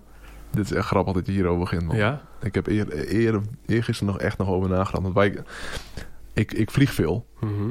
En wat ik nu... eh, ik heb nu drie kids, zes, drie en één. En sinds een jaar... Ja, nu sinds een jaar ongeveer eh, is het regelmatig dat Danielle eh, me... Dus dan... Laatst ging ik naar eh, Miami en Phoenix en zo. En dan plakken we er een paar dagen Cuba aan vast op voorhand. Ja. Dus dan gaan we voor drie, vier dagen naar Cuba. En ehm, ja, wat natuurlijk amazing is. Ik bedoel, als je vooral als je kids hebt, om dan met z'n tweeën zoiets te kunnen doen, een paar, dat is gewoon de biggest fucking gift ever. Ja. Weet je, dus alleen maar genieten. En toen kreeg Danielle laatst eh, kritiek van iemand om haar heen. Van ja, ik vind het leuk dat je dat doet, maar je kunt dat toch niet maken om drie dagen naar Cuba te gaan en dan weer terug te vliegen. Mhm. En, ehm, en, eh, en diegene die dat tegen haar zei, die vliegt dus niet meer. En Mhm. die hebben dan ook. En, en, en, en, en kinderen daarvan vliegen ook niet meer. Weet je, dus. Mhm. En, ehm, en ik zat erover na te denken. Ik denk, ja. Want hij had tegen haar gezegd: van oké. over 50 jaar zijn jouw kinderen, die zijn hier nog. Jullie zijn hier misschien dan niet meer, maar jouw Mhm. kinderen en hun kleinkinderen, die zijn hier dan nog. En, ehm, en dat is de reden dat hij niet meer op het vliegtuig, in het vliegtuig stapt. Ik kan zoiets heel praktisch bekijken. Ik snap dat eh, iemand bijvoorbeeld kritiek heeft op een auto waar ik in rij, Mhm. eh, omdat het geen elektrische auto is. En dat ik dan tegen mij zou kunnen zeggen, of tegen Danielle of tegen jou zou kunnen zeggen: ja, gast, je hebt geld zat, koop een Tesla. Weet je, Ja. want letterlijk, als ik nu in mijn auto stap, dan vervuil ik de lucht. Dat is gewoon hoe het is. Die kritiek snap ik, want dat is gewoon heel praktisch. Oké, Ja. je bent gewoon de lucht aan het vervuilen. Mhm. Maar ik denk, ja, wat is het verschil als ik nou wel of niet in het vliegtuig ga stappen? Gaat het vliegtuig daardoor dan niet meer vliegen? Mhm. Nee, tuurlijk niet. Die blijft echt wel vliegen. Mhm. Doordat ik niet in het vliegtuig... Dat, die impact is nihil. Niemand Ja. zal er ooit iets... Dus ik kijk dat heel praktisch. Ik zie dat met inderdaad met, met een, een, een uitlaatgassen... ben ik met je eens. Ja. Weet je, die maar in een vliegtuig stappen wel of niet... ja, dat gaat gewoon niet die impact maken. Nee. Tuurlijk, als iedereen dat gaat doen... dan is een ander verhaal. Eh, maar één persoon die gaat niet die impact Ja. maken. Ja. Dus eh, wat Maar- wel invloed heeft, is dat je bijvoorbeeld een influencer gaat worden en gaat, gaat iedereen gaat bekeren van hé hey, gasten, Ja. we moeten niet meer in het vliegtuig. Dan heeft het impact. Maar voor een individu als Danielle, om niet in het vliegtuig, ik zie die impact niet. Nee. Ik zie het probleem ook niet. Ja, kijk, en dit is natuurlijk wel... Want ik hoor je wel, weet je. Ik, ik heb ook eens met mensen hier aan tafel over gepraat. En kijk, het ding is van... eh weet je Gandhi, be the change you want to see in the world. Dus je kan wel vanuit een soort van statement Yep. gewoon het niet doen. Ja. Maar het interessante is wel van, ja, inderdaad, weet je wel. Het is een soort van korrel zand op een, eh, op een hoop, weet je wel. Ja. Ja, en dan is het misschien toch aan de influencers of dus misschien de overheid om daar een soort eh, ja, de, de vliegtax omhoog te gooien of zo. Dat zou ik een goede vinden. Ja, weet ja. je? Dus dat, dat heeft impact. Maar, en heel veel mensen zijn niet. En ook over het hele klimaat en. en ik ben daar niet deskundig genoeg over Nee. om daar uitgesproken mening over te hebben. Nee. Dit bekijk ik heel praktisch. Nee, maar ik vind, het- ik vind het wel heel interessant om, om dat, om die, om, die- weet je, voor mij, ik denk van, hé, hey, hier zit wel een soort van lading op. Eh, Voor, voor, voor mij, omdat ik denk van, hé, hey, weet je wel, eh, ik geloof dat er een klimaatprobleem is. Nou, jij dus eigenlijk ook, maar weet je wel, het, het is wel, wel een soort van, vanuit een soort van winstmotief of, of groei of meer impact. Maar ik denk van, dat is volgens mij echt ook helemaal niet de boodschap die jij afgeeft. Maar dat is misschien wel wat sommige mensen zouden kunnen krijgen. Weet je, als jij vertelt, nou, ik vlieg business class. Of dat je, wat je laatst zei, ik vlieg juist niet business class, want dan kan ik lekker doorwerken. En dan eh, eh, wen ik eraan dat ik zeg maar in uncomfortable situations toch lekker kan werken. Ja. Maar weet je wel, dan eh, gewoon letterlijk vandaag heb ik iemand op kantoor gezegd: Oh ja, El- Elko, ja, die heel vaak eh, een soort van podcast maakt over vliegen en jetlag. Zo ja, vliegen, vliegen, vliegen. Maar dat is, dat is, dat is not your message, weet je Nee, wel. man. Nee, maar dat vind ik dus wel interessant. Van, ik, ik ben nu eigenlijk gewoon op zoek naar jouw missie. Hè? En misschien moeten we daar nog een keer een wandeling op, op maken of zo. Maar dat ik denk van, je hebt dus dat impact maken. ehm, maar niet, je boodschap is niet... Jongens, het gaat erom dat we in alles enorm gaan meerderen. Dat we zometeen allemaal tien auto's voor de deur hebben staan. Dat is, dat is niet je message. Heb je mij, dat, dat zou ik ook nooit zeggen. Nee. Is ook niet. Dus ook niet hoe ik... Maar ik snap wel dat mensen eh, soms die associatie maken... door Ja. bijvoorbeeld een winst.nl of... En dat is ook logisch, weet je. Dat is, en ik doe ook marketing. En, Ja. eh, maar als mensen me echt kennen, jij kent me echt. Ik bedoel, je hebt voor mij echt heel veel eh, van mijn content geconsumeerd. Ja. Dan weet je dat. Nee, dat is gewoon helemaal niet... I, don't, Mhm. I don't give a fuck daarover, weet je. Weet je Dat- wat ik denk? Een soort van tussentijdse conclusie. Nee, ik vind het serieus leuk om hier een keer eh, soort van om er een keer over na te gaan denken. Om daar een mooie one-liner aan te geven ook of zo. Maar volgens mij, wa- waar het om gaat bij jou is levenslust. Dat is volgens mij waar het om Ja. gaat. Ja, Weet je wel, ik bedoel, op het moment dat jij minder impact maakt of minder creëert dan je kan, dan zeg je eigenlijk: Ik vind het leven zo leuk. Ik weet, time is limited. Ik zie ook mensen om me heen die overlijden. En ik wil gewoon het maximale, een leven vol leven. Daar, Ja. heb, je, daar heb je hem, weet ja, je wel. ja. Ja, Ja, en een leven voor leven voor mij betekent dus niet zozeer alleen maar gaan, knallen, het maximale overal uithalen. Wel goede balans inderdaad in een aantal dingen, en, maar wel in die dingen wel maximaal leven. ja. Dus wel bijvoorbeeld veel vrije tijd hebben, maar Ja. business-wise ook kijken, oké, hoe kun je, weet je, Ja. dus, dus eh, ja en, en dat, vind ik, dat vind ik altijd een soort van intrigerend. Die combinatie van enerzijds het ondernemerschap. Maar anderzijds dat je inderdaad zegt van... hé, hey, ik stap op de scooter met mijn zoontje... en Ja. eh, dan ruik ik zijn haar en ik heb er nu al zin in. Ja. En, ja. Heb, heb, jij, heb jij daar ooit wel een disbalans in gehad? ja, zeker, zeker. En heb je, heb je daar een prijs voor betaald? Ja. Ja. Nee, dus dat is een jaar of vijf geleden. Toen, eh, toen dacht ik dat ik inderdaad meer ondernemer was dan ik ben. Mhm. En, ehm, en een eh, situatie voor mezelf had gecreëerd waarvan ik dacht van ja, dat kan ik wel. En ik kan Mhm. het ook wel, maar het is niet wie ik ben. Mhm. Dus ik ben niet een persoon die op een kantoor rondloopt met twintig man en daar vervolgens tussen Ja. ben en met iedereen bezig is. En Mhm. ja, dat hou je een tijd lang vol totdat het gewoon verkeerd gaat. Ja. En, eh, en dat is toen verkeerd gegaan. En dat was heel pijnlijk. Het is niet zozeer pijnlijk om, om geld of dit of dat, maar gewoon dat je. ehm, dat je mensen ook pijn doet door keuzes die je hebt gemaakt, bijvoorbeeld. En Mhm. dat je je schaamt en dat er schuldgevoel zit en dat soort dingen. En voor mij, ik kan het niet heel makkelijk van me afzetten of zo. Mhm. En eh, dus, dus toen in 2014 is er een periode geweest dat er gewoon dingen fout zijn gegaan. Mhm. Eh, waarbij mensen ook werden benadeeld, waar ik verantwoordelijk voor was. Waar ik me heel lang heel slecht over heb gevoeld. En dat heeft echt al twee, drie jaar geduurd eh, voordat het echt helemaal uit mijn systeem was.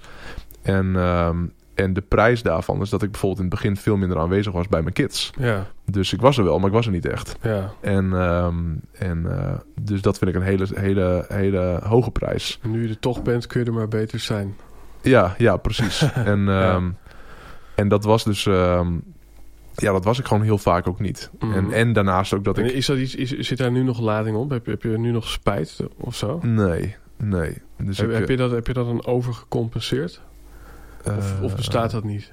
Hoe bedoel je? Nou ja, dat je bijvoorbeeld nu heel veel tijd met je kinderen door. nee, nee.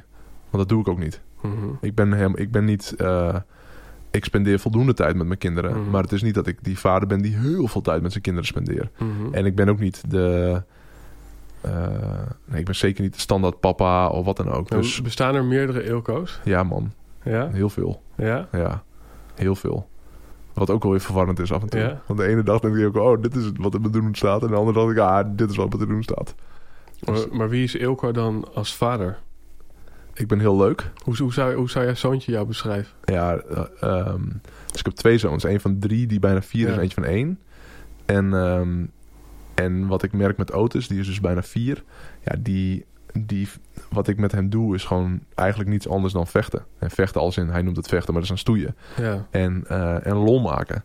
En, en grappen maken. En, ehm, en eh, heel fysiek zijn. En ehm, ja, ja, met name gewoon heel veel lol maken.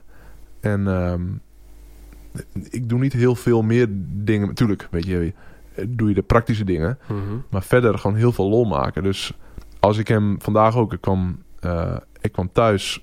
En alleen kijken maar begint hij al te lachen van oké, it's going down. Zo, weet je wel. Ja. En ehm, dus dat ben ik gewoon voor auto's heel erg. En nu op dit Mhm. moment, want dit is ook een goede leeftijd om alleen maar lol te maken. Met Dani, die is, eh, die is zes en die wordt in januari wat is zeven. Bij haar ben ik al een beetje de teacher. Dus geef ik haar lessen mee en, Ja. en, en vertel ik haar verhalen. De helft komt niet binnen natuurlijk, maar... Zijn, wel- zij, zijn zij ook jouw teacher? Ehm, kinderen zijn natuurlijk wel radicaal eerlijk. Ja, ja, ja, tuurlijk. Ik weet nog, maar dat is, eh, dat is nu voor mij verleden tijd. Maar ik weet nog dat, dat op een gegeven moment zei Dani van... eh, ja, mijn papa die drinkt altijd cola. of eh, mijn papa drinkt altijd bier. Niet dat ik veel bier dronk of zo, maar... en, maar dat is, dat is dan een, twee, drie jaar geleden of zoiets. En, ehm, en, eh, maar dus dat is wel een teacher, want dat, die persoon ben ik gewoon niet meer. Mhm. Ik, ik, ik, ik, Ja. ik, ik, ik heb, op gezondheid heb ik heel veel eh, een switch gemaakt. Ehm, maar dus, dat was wel. Zij, zij confronteren me daarmee Mhm. inderdaad. Van ja, jij doet dat altijd. Ja. Niet met verkeerde intenties. Dat was gewoon wat ze op- observeerde. En was ze helemaal gelijk in had. Niet dat ik altijd, maar ik dronk het wel. En. ehm, en eh, ehm, ja, en tuurlijk zijn ze, zijn ze je teacher. Als ik kijk naar hoe aanhankelijk ze zijn aan mama. Weet je, dus mama is Mhm. gewoon... Ik bedoel, ik ben er, maar waar is mama? Dat is zeg Ja, maar... ja, ja. Ik denk, ja, dat komt natuurlijk ook omdat mama onbeperkt onverdeelde aandacht voor hun heeft. En dat heb ik ook niet. Nee. Weet je, ik heb niet onbeperkt onverdeelde aandacht voor hun. Mhm. En ehm, dus, maar ja, daar ben ik ook wel oké mee. Mhm. Weet je, dus niet dat ik denk van, oh, ik moet net zoals mama altijd maar. eh, dat, ja, dat is gewoon anders. Dus ze geven inderdaad dingen terug Ja. waar, ehm, ja, wat, wat, wat interessant is. Mhm. En, ehm, maar waar je ook niet al te veel, vind ik, ook niet al te veel betekenis aan moet gaan geven. Of ik heb nu, dat is echt, echt super frustrerend, maar eh, Ben, mijn, de jongste, die is een jaar. En het is echt heel erg, want het was altijd papa, mama, papa, mama. En nu is het hele tijd mama Eco. Dus hij noemt mij het Eco, Eco. Ik denk, nee, papa, ik ben je papa, ik ben niet Eelco. En, eh, maar ja, ik denk, ja, dat jochie is één. Weet je, die weet niet het verschil tussen een papa en een mama, zeg maar. Die ziet, en omdat ik natuurlijk gewoon Ilko... Mijn vrouw die zegt Ilko, Ilko, die noemen het Ilko. En, eh, en ja, ik vind het heel irritant, maar ik kan er nu ook al om lachen. Ik denk, ja, ik kan nu echt... Ik kan nu daar helemaal diep gaan en denken... Ja, je bent het nooit of dit of dat. Maar ja, weet dat gastje veel. Ja. dus, eh, dus dat... eh, en, Ik vroeg net, zijn er meerdere Eelco's en eentje is dus een vrouw? ja, ja, precies. Ja, dus... ehm, maar dat... eh, ja, ja het, is, het, is, het is leuk allemaal. Ja. Hoe zou de wereld eruit zien als er 7 miljard Eelco's rondliepen? Flink chaotisch. nee, man, dat kan echt niet. Dat kan echt niet. Nee? Ik denk dat ik heel goed gemist kan worden. Ja? Ja, ik ben niet zo belangrijk. Ik denk heel veel mensen doen heel belangrijk. Als je kijkt naar het geheel. Er zijn heel veel mensen die hele belangrijke dingen doen. Waar de wereld niet zonder kan, maar de wereld Mhm. kan wel zonder mij. Zeg maar, Ja. dat, dat bedoel ik niet eh, zwaarmoedig of zo. Mhm. Ehm, maar eh, ik ben een bonus, zeg maar. Zo zie ik mezelf een beetje. Als in Ja. qua dingen die ik doe met mijn werk en zo. Eh, Misschien helemaal niet waar trouwens, omdat ik natuurlijk ook echt wel... Ik, ik vergelijk me nu bijvoorbeeld met een verpleger of een verpleegster. Zo. Ja, daar kun je echt Mhm. niet zonder. Ja. Of iemand die... eh daar kun je echt niet zonder. En, en zo vergelijk ik mezelf. En oké. ja. Maar Ja, maar het is wel interessant, hè? Dat is misschien ook een doordenkertje, maar dat ik denk van... Stel nou dat wat jij eigenlijk doet ook is spelen. Weet je wel, ik, een soort joy of life. ja, En als jij andere mensen inspireert om dat ook te gaan is doen... ook zo. Is ook zo. dan worden ze niet ziek en hoeven ze ook nooit naar de is verpleger. Dus ik weet ook gewoon eh, wat de Ja. impact is. Ja, niet, niet, dus ja. ja. Alleen het is wat minder direct of zo. Een verpleger of een Ja. verpleegster, ja, dus direct van oké, die doet dat en daarmee heb je dat resultaat. En maar Mhm. bij mij, ik weet, ik weet wat mijn impact is. En ik weet wat, wat, eh, wat, ik, eh, wat, ik, wat ik ga doen, maar ook wat ik al heb gedaan. En Mhm. natuurlijk, die impact is, is, is.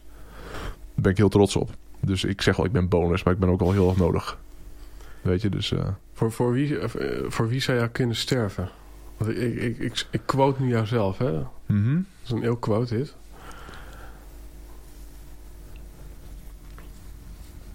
Dat is een, eh, een grote vraag.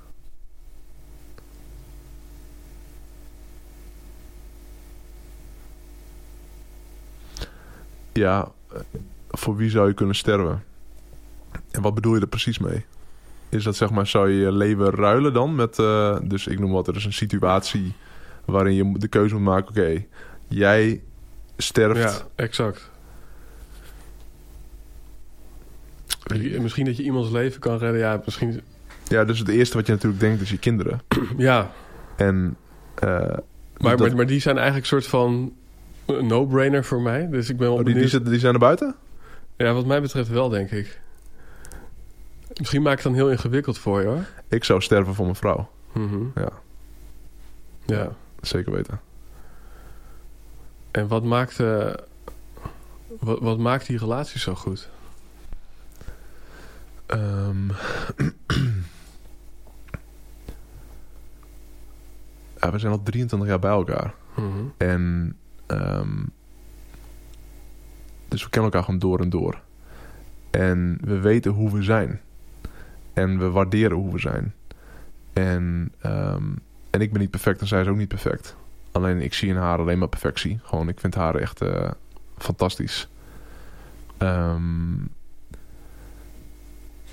maar als je kijkt wat maakt onze relatie zo goed, is dat inderdaad je waardeert elkaar. Het is niet zozeer je accepteert elkaar of je tolereert elkaar, maar je waardeert elkaar echt. Ehm, maar je geeft elkaar ook de vrijheid. Dus zij geeft mij echt de vrijheid om te kunnen doen wat, ik, wat me te doen staat. Mhm. Ehm, en ik geef haar de vrijheid om te doen wat haar te doen staat. En heel toevallig past dat heel goed bij elkaar. Ja.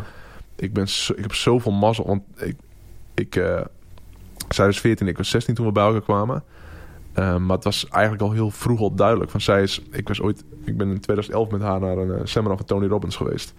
Day to Destiny in eh, Ja. Florida. En zij ging daarheen, want ze had een eigen bedrijfje gestart en zo. En ze ging erheen met van oké, ik wil kijken hoe ik mijn business kan laten groeien. Ja. En eh, dat was haar intentie voor dat. eh, en toen ze wegliep was van ja, ze zei, ja, voor mij is duidelijk, liefde is voor mij het allerbelangrijkste. Ja. En zij is echt iemand die van de liefde is.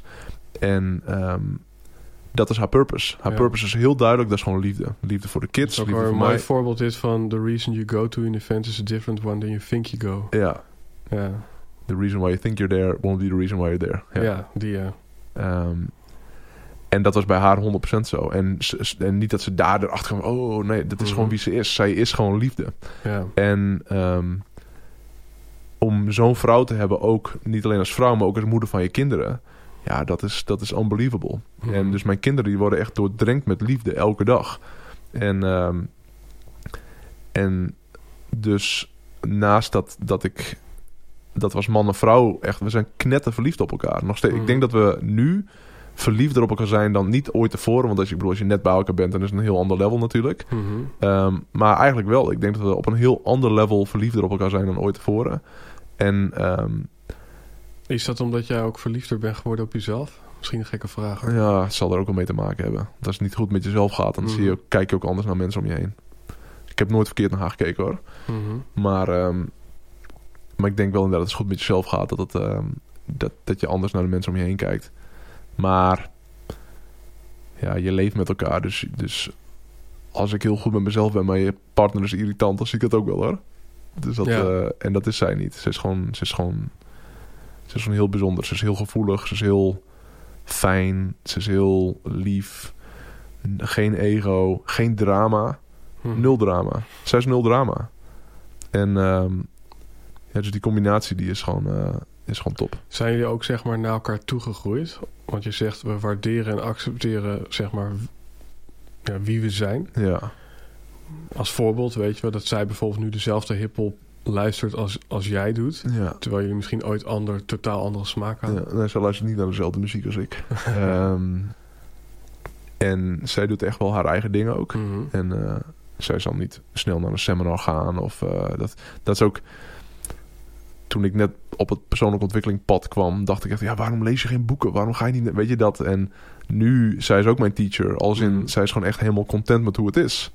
Dus waar ik inderdaad vooruit wil en mijn potentieel wil benutten... is zij fucking blij met de kinderen... en met, met het weekendje weg wat we volgende week gaan doen. En, ehm, en dus zij is ook heel erg in het moment. Zij is niet zo bezig met, met wat er in de toekomst gaat gebeuren. En ehm, ze is heel erg in het moment. En, ehm, en heel zacht is ze. En dus tuurlijk zijn we ehm, naar elkaar toegegroeid, maar we, we lijken niet op elkaar. En dat is ook wel, dat waarderen we ook wel aan elkaar. En we proberen ook, ook niet, zij probeert mij ook niet op haar te laten lijken. Of ik probeer haar ook niet op mij te laten lijken. Ja. Ik vind het juist heel erg mooi. Maar dat is ook wel, dat is ook wel dingen die ik heb moeten leren. En zij ook wel waarschijnlijk. Mhm. Ehm, ja. Is er op dit moment één iemand die voor jou, waarvan je zegt, dit is eigenlijk mijn mentor? Hè, want want ik, hoor, ik hoor regelmatig van ondernemers van, hè, dan heb je een heleboel van die ja, ondernemers die zich door iedereen laten inspireren en iedereen volgen en ieder boek. En dan heb je mensen die zeggen, volgens mij moet je gewoon naar één iemand luisteren, want anders dan ga je echt alle kanten op. Ja, Naar wie luister jij? Dolly. Ja, heel veel ook. Mhm. Dus we hebben echt... ehm, nou, ik denk dat wij per week... Nou, overdrijf ik niet eens. Minimaal 10 uur met elkaar praten. Mhm. Maar soms wel 20 uur. En dat, en dat is dan een normale week. Dus wij praten heel veel met elkaar. En ehm, dus zij is absoluut een mentor voor mij. Ja. Is het, is het ook wel eens tricky dat je denkt van de vriendschap is voor mij zo waardevol. We doen ook wel eens business samen. Dat is een ding waar ik, eh, eh, waar ik wel een beetje bang voor was in het begin. Want ik heb wel andere vrienden met wie ik bewust nooit echt business ben. Ik heb een vriend uit Zwitserland met wie ik al 12 jaar bevriend ben. Het is nooit bij me opgekomen met hem in business te gaan. Mhm. Eh, omdat ik dacht van ja, weet je, dat, eh, dat eh, straks gaat het fout en is je vriendschap voorbij. En met Dolly ehm, vond ik dat ook wel spannend. Alleen we hebben het van tevoren, we hebben het heel erg duidelijk uitgesproken naar elkaar. En ehm, we hebben letterlijk, eergisteren zei ik, of gisteren zei ik nog tegen haar van echt, dit is zo niet van we moeten doen, maar gewoon wat zo waardevol. Ik vind het heel belangrijk om. Nou, we hadden een gesprek over eerlijk zijn naar mensen. En moet je altijd 100% eerlijk zijn naar alles en iedereen om je Ja. heen? Is Ja, het handig mooi, om, mooi. om Ja. en antwoord daarop is nee. Misschien niet naar alles en iedereen altijd 100% eerlijk zijn of alles zeggen, zeg maar. Dat is. Alleen, ik zei, ben ik mee eens, behalve tussen ons. We moeten altijd 100% eerlijk zijn. Ja. Weet je, als er ook maar iets is waar je aan irriteert bij mij, zeg het gewoon tegen me. Ja. En ik, ik doe hetzelfde. En, Mhm. ehm, en dus wij hebben, eh, wij hebben die commitment gewoon heel erg. En we spreken zoveel met elkaar en zo real met elkaar ook. Ja. Er is niks wat er ehm, nog niet besproken is. Ja. Of wat er nog besproken zou moeten worden of wat dan ook. We zijn super eerlijk naar elkaar. Ehm, en dat maakt het heel erg schoon. En, ehm, en dus toen wij... De eerste ding wat we samen deden was eh, onze podcast. De Zielsverwante podcast. Mhm. En dat is nog redelijk veilig, want er zit geen businessmodel aan vast. Ja. Het tweede ding wat we gingen doen was Ziels, of, eh, sorry, eh, Devoted. Ja. En dat is ineens een heel ander ding. Want een event van 600 man in het theater... waar twee teams met elkaar samenwerken... waar heel veel geld in omgaat... waar Ja. sprekers uit Amerika komen, waar artiesten komen, alles. En daarbij, eh, ja, die vond ik wel, ja, misschien een klein beetje spannend, maar door dat al uitspreken, ja, ik vind het wel spannend om dit te doen, want ik ben Ja. bang dat onze vriendschap eronder gaat lijden. Ja. Als er iets is, dus blijf. En in dat hele proces, want het is gewoon grote operation, zo'n seminar, zijn er twee dingetjes waar we beide zoiets hadden van, oké, ja, dat zit me niet helemaal lekker of dat zit me niet helemaal lekker. Het ging over, ehm, het ging niet eens over onszelf, Mhm. maar over iemand uit ons team bijvoorbeeld. En, ehm, en of niet bijvoorbeeld, het ging over iemand uit mijn team en iemand uit haar team. En een dingetje wat, wat, wat qua communicatie niet handig was, zoiets. Dat is, dat is het ergste wat er bij ons is Mhm. ontstaan, zeg maar, door het even te bespreken. En, oh, oké. En ehm, dus ik was daar eh, inderdaad heel waakzaam voor. Maar niet extreem bang voor, Mhm. omdat we zo eerlijk naar elkaar zijn. ja. En ehm, Wat, Ja. wat is het belangrijkste dat, wat die vriendschap jullie eh, geeft? Want, want hè, kijk, ik bedoel, twee jaar geleden toen je nog geen vrienden was, was je ook al gewoon succesvol, toch? mhm, ja, Ehm, ja, ik, ik denk een zichtbare transitie is dat je inderdaad een stuk slanker bent geworden. ja, In ongeveer diezelfde tijdspan. ja, ja, dat heeft er ook alles mee te maken. Dus, dus eh, doordat... Zij heeft mij gewoon geheeld. Mhm. Zij heeft mij echt geheeld. En ehm, daardoor was ik ook in staat om die transitie te maken. Mhm. Denk ik. Dus, die, die, ehm, dus dat heeft heel veel met elkaar te maken. Ehm, ja, het is moeilijk te omschrijven, man. Het is echt moeilijk te Ja. omschrijven. Omdat we... Ja, we noemen elkaar dan zielsverwanten. We Ja. zijn zielsverwanten. Maar het is... Ja, het, is, het, het verrijkt alles. En, ehm, en het vult je gewoon met... met Is het ook weten dat zij er is, ook als zie je Oh, elkaar 100%. niet? 100%. 100%. En, voor, en ik voor haar dan, zeg maar. Er Mhm. kan eigenlijk niet zoveel fout gaan nu, omdat we elkaar hebben. En, ehm, en dat, eh, dat, dat geeft heel veel zekerheid. Mhm. Weet je, dus, dus ik, niet dat ik riskante dingen wil doen, maar als ik iets riskant zou moeten doen, it's all good, want zij is Mhm. daar. En andersom ook. En, ehm, en dat, is, dat is gewoon heel erg, eh, heel erg fijn. Weet je, dat, dat, die basis die ik... Ik heb altijd wel veel basis gevoeld. Mhm. Maar die basis die is een stuk steviger geworden. Maar ook een stuk... ehm, ja, nog meer joy erbij. Want zij is gewoon een en al joy ook gewoon wat ze, wat ze, wat ze mij ook geeft. En Ja. wat, we, wat we aan elkaar hebben. Ja. Het is elke... elke eh we waren eergisteravond waren we weer eh, hier... eh, we hebben bepaalde rituelen dat we naar bepaalde toko's gaan. En dan doen we gewoon... Mhm. Ja, dan, dan zitten we gewoon altijd 6, 7 uur of zoiets. Ik weet altijd, of ik, ook al ben ik chagrijnig of weinig slapen wat dan ook. Ik loop naar huis met een hart vol met joy. En ik voel die joy dan ook fysiek in mijn hart gewoon. Dan ga ik ook zo op bed met die eh, fysieke joy in mijn hart. En, eh, en dat komt allemaal door, door onze connectie samen. Het is heel apart. Het is Ja. heel apart en heel bijzonder. ja. Heel Weet, je- bijzonder. weet, je wat, weet je wat ik eh, daar een mooi dingetje in vind? Een vriend van mij, Alex van der Werf. ja, die is ook een beetje connected met heel veel mensen. Matthijs Bos, 365 dagen succesvol. Ja. Ik heb hem dus zeg maar twee jaar geleden ontmoet. En dat ja, het is voor mij een hele waardevolle vriendschap. Hmm. Daar, daar heb ik dat denk ik mee. En- Ja. en toen waren we op de parade en ik zeg in een soort ongemak. En ik was er toen met Ralf Moorman van de Hormoonfactor, misschien die, je hem ook wel kent. En ik zeg eh, een beetje een soort van ongemak. Hè? Dus ik ging naar huis en ik zeg zo... Ja, ik heb, eh, ik heb een beetje het gevoel dat ik er... eh, ja, dat ik er nu wel een beetje bij begin te horen. En, en, en die Alex die pakt me zo vast en zegt... Kerel, wij waren er al lang, maar waar was jij? Hm. En dat vind ik zo'n mooi idee van eigenlijk alle mensen waar je zielsveel van houdt en waar je relaties mee krijgt, die zijn er nu allemaal. Ja, ja, die zijn allemaal gewoon al op aarde. Ja, ja. Alleen ben jij available, Ja, weet je wel? Sta, sta jij open om die mensen te ontmoeten in je leven toe te laten? ja. Ja. Dus dat. eh, Ik, ik wil nog, nog één afslagje met je maken. En dat is. Als, als ik dan kijk naar de wat grotere Ilko, zeg maar. Wa- Was dat een panzer, zeg maar? Is Je dat- bedoelt eh, de, de dikkere Ilko? Ja, wa- wa- was dat een panzer? Nee. Nou, nee. Weet je, die theorie van inderdaad het... Ik heb die theorie al vaak gehoord hoor. Dat, dat, dat bijvoorbeeld ook heel vaak vrouwen en ook mannen trouwens... die bijvoorbeeld misbruikt zijn of zo. Dat ze eh, groot bleven om Ja. sterk te zijn bijvoorbeeld. Of minder aantrekkelijk te zijn of dat soort dingen. Nee man, ik was gewoon verslaafd aan eten.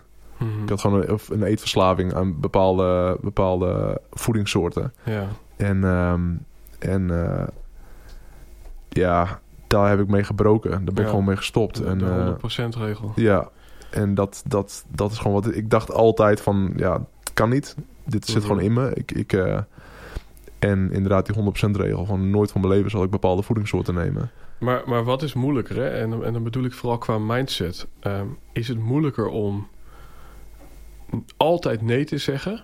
Of is het moeilijker, dus tegen dat soort eten? Of is het moeilijker om af en toe het toch van jezelf te mogen? Ja.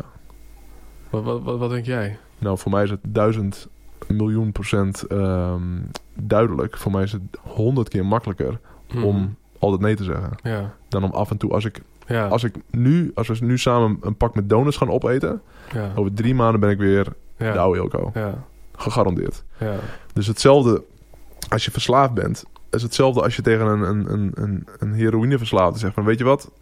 Live a little man. Je bent er nu vanaf. ja, Maar één keer per maand man. Gewoon dat is goed. Weet Ja. je? Ja, done. Dit is gewoon klaar. ja. Dus voor mij... Dus ik, dit is geen advies aan andere mensen. Maar voor mij...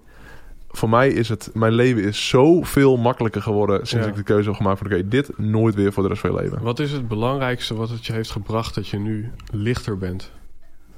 Wat het mij heeft gebracht? Ja, Zoveel, man. Mijn hele leven is veranderd. Alles is veranderd. Alles, letterlijk alles is veranderd. Dus ehm, dit, dat we hier zitten en dit nu doen, had ik niet gedaan daarvoor. Ik was moe. Ik was nooit niet moe. Ik had letterlijk, ik was Hmm. nooit niet moe. Bestond niet. Dat is nooit een dag dat ik denk, ah, hey, ik ben niet moe. Nee, ik was altijd moe. ja, Dat is één. Nou, dat, heeft, dat alleen al heeft een impact op alles. ja. Je kunt je voorstellen hoe je mindset is als je altijd moe Weet je, bent. weet je wat grappig is? Als je het dan toch hebt over impact, hè? Dat ik hier naartoe kwam. En ik zat een beetje schaars in mijn tijd. Omdat ik andere podcasts had. En nou, toen gingen we daarna nog even door kletsen. Je snapt hoe het gaat. En toen dacht ik, weet je, ik moet natuurlijk ook nog eten. Zeven uur met Ilko afgesproken. Ik haal gewoon even een frietje. En toen was het echt, dacht ik, ja, nee, maar dan ga ik me heel, heel zwaar en moe voelen. En dat wil ik niet. Nee. En, en echt, dat de ene soort van autonome momentje dat ik dacht, van, ja, ik ga die keuze even anders maken. Ja. En, eh, maar, maar, maar dat is denk ik ook een beetje hierop gebaseerd, weet Mm. je wel? Dat, dat vermoeidheidsstuk. Ja. Ja. Dus, dus dat, maar dan heb ik het alleen over vermoeidheid. Ehm, alles, man. Alles. Alles is compleet anders. Echt, het verschil tussen hoe ik toen was. Ik, kan, ik herken mezelf ook niet meer in die, in die gast. Gewoon hoe, niet alleen fysiek, Mhm. ik bedoel, maar gewoon hoe ik was. En ik was Ja. gewoon, ik was en altijd moe, ik was zwaarmoedig. Ehm, ja, alles was gewoon, ik kan me niet meer voorstellen hoe ik was. Nee, En het is gewoon puur voeding ja. voeding aangepast. En eh, het is bizar wat de impact daarvan is. Maar, maar daar gaat natuurlijk wel iets aan die voeding vooraf. En dat is ofwel de mindset, ofwel het zat zijn van iets of whatever. Weet je wat ik bedoel? Je beschrijft nu allemaal fysieke dingen, maar ik kan me voorstellen dat je ook op een bepaalde manier heel erg van jezelf bent gaan houden. Omdat je, omdat je daarin een soort van ja zegt tegen wat voor jou heel belangrijk is. Ja, weet je, en ik, heb, ik ben nu 39 en tot mijn 38 heb ik altijd geworsteld met eten. Altijd. En wat, ehm, wat ik altijd hoorde waren inderdaad dit soort dingen. Vage begrippen. Vage dingen over inderdaad, je moet van jezelf houden of... Het was altijd super vaag. En dan, ja, ga daar maar eens een keer mee bezig. Van oké, Ja. ik ga... En op een gegeven moment voelde ik me hartstikke goed. Ik voelde me, ik voelde me mentaal gewoon goed. Ik was Ja. gelukkig. Ik was best wel lang al gelukkig. Maar het lukte me gewoon niet om de goede voeding in mijn mond te stoppen en de verkeerde voeding niet. Het lukt, terwijl ik Mhm. gewoon gelukkig was. Dus ik kan me echt een, een, een jaar herinneren. Ehm, dit was dus 2017, 2018. Ik dacht, Damn, life is fucking amazing. Mhm.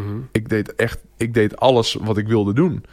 En, ehm, maar ik was wel altijd moe. En, maar het lukte me gewoon niet. En ik denk, hoe kan dat nou, man? Ik bedoel, ik geef seminars, mensen kijken tegen me Ja. op. Ik ben een maar het lukt me niet omdat. En ik, het was geen kennis, weet je, want ik wist wel wat goed voor me is en wat niet goed voor me is. Mhm. Ik heb alle coaching gehad, al die dingen. Het lukte gewoon nooit om die connectie te maken. Tot ik gewoon de keuze maakte, weet je wat, nooit van mijn leven meer. En dat is voor mij gewoon de klik. Nooit Ja, van mijn leven ja. neem ik deze voeding. Wat zal er dan voor me gebeuren? En erkennen van, gast, je bent gewoon verslaafd. Je bent er Ja. echt verslaafd aan. Je bent verslavingsgevoelig. En voor mij was het dus eten. Nooit meer moet ik dat doen. En dat was voor mij gewoon de klik. Het had niks met zelfliefde te maken of andere mooie dingen. Eh, of dingen die goed klinken of goed verkopen of wat dan ook. Mhm. Dit was gewoon, oké, dude, dit is jouw kryptonite. Dit is jouw ding, dat als je dit doet, you'll be fucked up. Ja. En dan word je weer die oude persoon. ja. Dus voor mij is het gewoon zo duidelijk. Nee, ik ben gewoon verslaafd. Ik kan het niet doen. Mhm. Onmogelijk. En, ehm, en eh, dus het is niet... En tuurlijk, wat ik zeg, het heeft geholpen dat ik me goed voelde... doordat ik bijvoorbeeld een Dolly heb Mhm. ontmoet... of dat andere dingen heb dat je... Maar ehm, ik, ik, ik heb ook wel... Weet je, afgelopen jaar zijn ook wel uitdagende situaties geweest... in mijn leven of wat dan ook. Maar het komt niet eens bij me op... om dan bijvoorbeeld eh, slechte voeding te nemen. Mhm. En eh, in ieder geval niet de voedingssoorten... die ik heb afgezworen voor de rest van mijn leven. Ja. En, ehm, en het is juist, en dat bedoel ik niet eh, verkeerd naar jou, omdat je met, dat, met, dat, met die theorie kwam over zelfliefde. Mhm. Maar dat soort dingen verwart mensen ook. Weet je, dat we denken van oké, ik heb een. Want in, ik zie het gewoon als een praktisch probleem. Ik ben gewoon verslaafd aan die voedingssoorten. Ja, dus- en aan, aan ja. het gevoel wat die Ja. voeding me geeft, dat is het eigenlijk meer. En dus het is een praktisch probleem. En vervolgens gaan we helemaal kijken hoe we dat spiritueel Ja. moeten gaan oplossen. Ja. En bij mij was van oké, dit is een praktisch probleem en ik moet hem 100% praktisch oplossen. Ja. En dat is gewoon never again. Dit is gewoon niet voor jou. Ja. En, en, eh, en andere mensen zien, die gaan inderdaad allemaal theorieën op loslaten. Ik heb al die theorieën geprobeerd. Ik wist er vrij zeker van oké, ik zal de rest van mijn leven zal ik verslaafd blijven. Mhm. Zal ik gewoon de moeite mee hebben. En voor mij was het gewoon erkennen, ja, je bent gewoon verslaafd. Dus, Ja, en, want- en ik blijf de rest van mijn leven ook verslaafd, zeg maar, daaraan. ja. Maar ik neem het gewoon niet meer. Want je beschrijft eigenlijk, hè, een praktisch probleem eh, heeft een praktische oplossing nodig. Want je, je kan dus ook een soort spirituele oplossing, dat is dan bijvoorbeeld zelfliefde, kiezen. Ja, Maar zijn er situaties waarin je wel een spirituele oplossing... ja zeker. Kan je daar een voorbeeld van noemen? Ehm. Eh, ik had deze week had ik een eh, in mijn hoofd een ding met iemand in mijn leven waarvan ik denk dat zit me niet lekker. Mhm. En het is een beetje een onmogelijke situatie is het. En, ehm, en ik ben er heel erg voor dat als wij als er een conflict is, om dat samen op te lossen, zeg maar. Alleen in dit geval was het een, eh, een ding wat in mij speelt. Dat als ik het met diegene zou gaan bespreken, dat het dingen gewoon heel verwarrend zou maken voor diegene vooral. En, eh, en de situatie niet echt vooruit zou helpen. Het is een beetje cryptisch, maar ik kan er niet al te veel. Of eh, precies een voorbeeld kan ik niet noemen. Het komt er een beetje op neer van even kijken, hoe ga ik dit uitleggen? Ehm weet ik veel. eh, ik weet niet. Ik, kan, jij, jij je zit op voetbal. je zit ook op korfbal. Maar ik vind het niet zo tof dat, dat, eh, dat, eh, dat je ook bent gaan voetballen. Ehm, maar ja, ik kan toch ook niet tegen jou gaan zeggen van... ja, ik wil eigenlijk dat je gaat stoppen met voetballen. Want je vindt voetballen heel leuk. Stel voor dat dat de situatie een beetje Ja. zijn. Ik zit ermee dat jij ook bent gaan voetballen. Ehm, ja, dan kan ik met jou dat gesprek aangaan. Maar dan denk ik, ja, wat ga je daarmee opschieten? Dat ik Mhm. misschien dan mijn, het heb gezegd. En, maar ja, jij blijft toch wel voetballen. En ik wil ook niet dat je gaat stoppen met voetballen. Dat is een beetje de situatie. Eh, dit voorbeeld slaat het nergens op. Maar bij mij was het een, een, een real thing. Dus ik, ik dacht van ja, ik moet gewoon met diegene erover hebben. Toen met Dolly heel lang gesproken, ook over dit voorbeeld. Mhm. En, ehm, en, eh, en toen er uiteindelijk ook achter kwam van ja, het is gewoon bij mij een. ehm, ten eerste, praktisch gezien is het niet handig om dit te doen, want het maakt dingen gewoon verwarrend. Er gaat niks opgeklaard worden. Ja. Ehm, en, en, ja, en uiteindelijk kwamen we tot een hele andere conclusie. Dat, ja, dat het gedrag van diegene, wat me dus niet lekker zit, eh, dat dat gewoon de natuur is. Dit is gewoon de natuur. Dit is gewoon hoe mensen in elkaar zitten. Mhm. En ehm, waar weer een hele mooie les in zat. Want ja, je kunt niet van iedereen verwachten dat ze 100% perfect of loyaal naar je zijn of wat dan ook. Eh, de natuur is ook gewoon dat, dat sommige mensen bepaald gedrag vertonen. En als je dat ook kunt zien voor wat het is, ja. Ehm, kan het ook weer bevrijdend zijn. Ja. Dus er zat ook een hele mooie les in. Dus in dit geval had ik een, wat ik dacht dat een praktisch probleem was, Ja. spiritueel opgelost. Ja. Ja, mooi. Dus eigenlijk alle problemen die je niet gewoon hands-on, gewoon letterlijk met je handen kan oplossen. Dat zijn eigenlijk problemen in je mind en die moet je spiritueel oplossen. Nou ja, of in persoon zeg maar. Dus dat je, dat, Mhm. dat, ik- dat als, je, als wij, Ja, ik noem wat, als wij nu een, een, een, een naar ding zouden hebben of zo. En het zou beide niet lekker zitten. En het zou ongemakkelijk zijn. Ja, dan kan ik dat helemaal spiritueel wel gewoon oplossen. Maar ja, dat is niet handig. Beter dat er zometeen even vijf minuten zit van... Yo, Eddie, ja, weet niet man, ik vond het niet zo tof wat je daar net deed. Ja, dat voelde ik ook al. Ja, shit man, sorry, dat was Ja. niet de bedoeling. Dan is het praktisch opgelost. ja. En eh, dus ik, ik, ben, ik ben over het algemeen voor de praktische oplossingen. Mhm. Want die werken gewoon veel effectiever en hoef je niet meer over na te denken. Maar in sommige gevallen is een, eh, een spirituele oplossing een, een oplossing. Mhm. Maar meestal niet, vind ik. Als het een praktisch probleem is. We rollen een beetje richting het eh, einde. En ehm, ja, dat is nog wel een leuke. Kijk, wat, wat ik heel vaak vraag aan mijn luisteraar, eh, of aan mijn gast voor mijn luisteraar, ehm, dat is zeg maar, stel nou dat er een billboard staat langs de snelweg. En iedereen staat in de file. Of tuft daar langzaam voorbij. Wa- Wat zou je de mensen willen meegeven? En dan met name om, ja, dat is wel een goeie. Met name de coaches of startende coaches in Nederland. Don't do it. Nee. Nee, want, want, want daar heb je namelijk even, een kleine inleiding naar de luisteraar. Nee man. Jij hebt wel eens gezegd van... Hey, er zijn meer coaches in Nederland dan in welk land dan ook. Is ook zo. Dus Nederland is het dichtstbevolkte, Ja. procentueel gezien het dichtstbevolkte land ter wereld met eh, coaches. Mhm, meer, co- meer coaches dan mensen in Nederland. Nou, bijna wel, ja. Dus meer coaches dan fietsen. Dus ehm, nee, dat don't do it, dat zeg, ik, dat zeg ik voor de lol, maar dat is helemaal niet zo. Ehm, dus advies voor coaches? Ja, Op een billboard. ja. Ehm, ja. Misschien zou je het iets groter kunnen trekken... voor iedereen die ondernemer wil zijn of worden in het communicatievak. Het eerste wat, ik, wat bij me opkwam toen je begon over die billboard, voordat je die coaches erbij haalde, Ja, eh, was doe wie je bent. Dus als je dat kunt doen, als je kunt doen wie je bent en daar niet te ver van afstapt, Mhm. ja, dat is gewoon vrijheid. En dat je gewoon, ja, gewoon echt kunt doen wie je bent. En ehm, wat, een- wat En toen dacht ik ook na over de billboard. Ik, ja, dat gaat niet echt binnenkomen of zo. Dat is een one-liner die, die ziet iemand en dan rijden ze weer verder. Dus het zal niet heel veel impact maken. Maar het is wel... Als je, als je ehm, blij, met jezelf, blij genoeg met jezelf bent... dat je je business kunt runnen op een manier... eh, waar jij gewoon het beste op gaat. En waar jij gewoon het meest gelukkig van wordt... Mhm. eh, zonder jezelf daar al te veel voor te hoeven aan te passen... ja, dan heb je wel de code gekraakt. Ja. En, en wat ik vaak zie is dat ondernemers hun lifestyle aanpassen naar hun business in plaats van hun business aanpassen naar hun lifestyle. En wij als ondernemer, wij zijn in staat om onze business aan te passen naar onze lifestyle. Mhm. Dus dat je het zo kunt inrichten zoals jij het wil. ja. En, ehm, en ik denk dat te veel ondernemers of coaches dat ze te veel kijken van wat is er nodig en hoe kan ik mezelf aanpassen om dat te realiseren. Ja. En soms moet het ook. In het begin moet dat vaak ook. Weet je, als je gewoon eh, geen klant hebt en je kunt één klant krijgen, maar die wil alleen midden in de nacht afspreken. Ja, dan ga je midden in de nacht afspreken. Ehm, maar op een gegeven moment als het goed loopt, dan is het wel belangrijk om, ja, om je business wel aan te passen naar. eh, Ja, en dat is meteen een interessant stuk, hè? Van wanneer geef je een beetje mee en wanneer zeg je: ik doe het op mijn manier, doen wie je bent. En dat komt eigenlijk ook weer terug, volgens mij, op alleen in die kamer zitten. ja, dat je zeker. echt goed afstemt Zeker en voelt weten. van. Zeker. En zo beginnen we waar de podcast ook eindigde. Ja. Namelijk bij. eh, en, en ja, dat vind ik nog wel een mooie side note. Ik heb dus vanmiddag ook een gesprek gehad. En ja, ik geloof daar inmiddels echt in dat.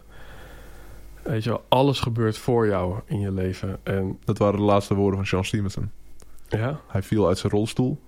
En, eh, en eh, uit een nieuwe rolstoel.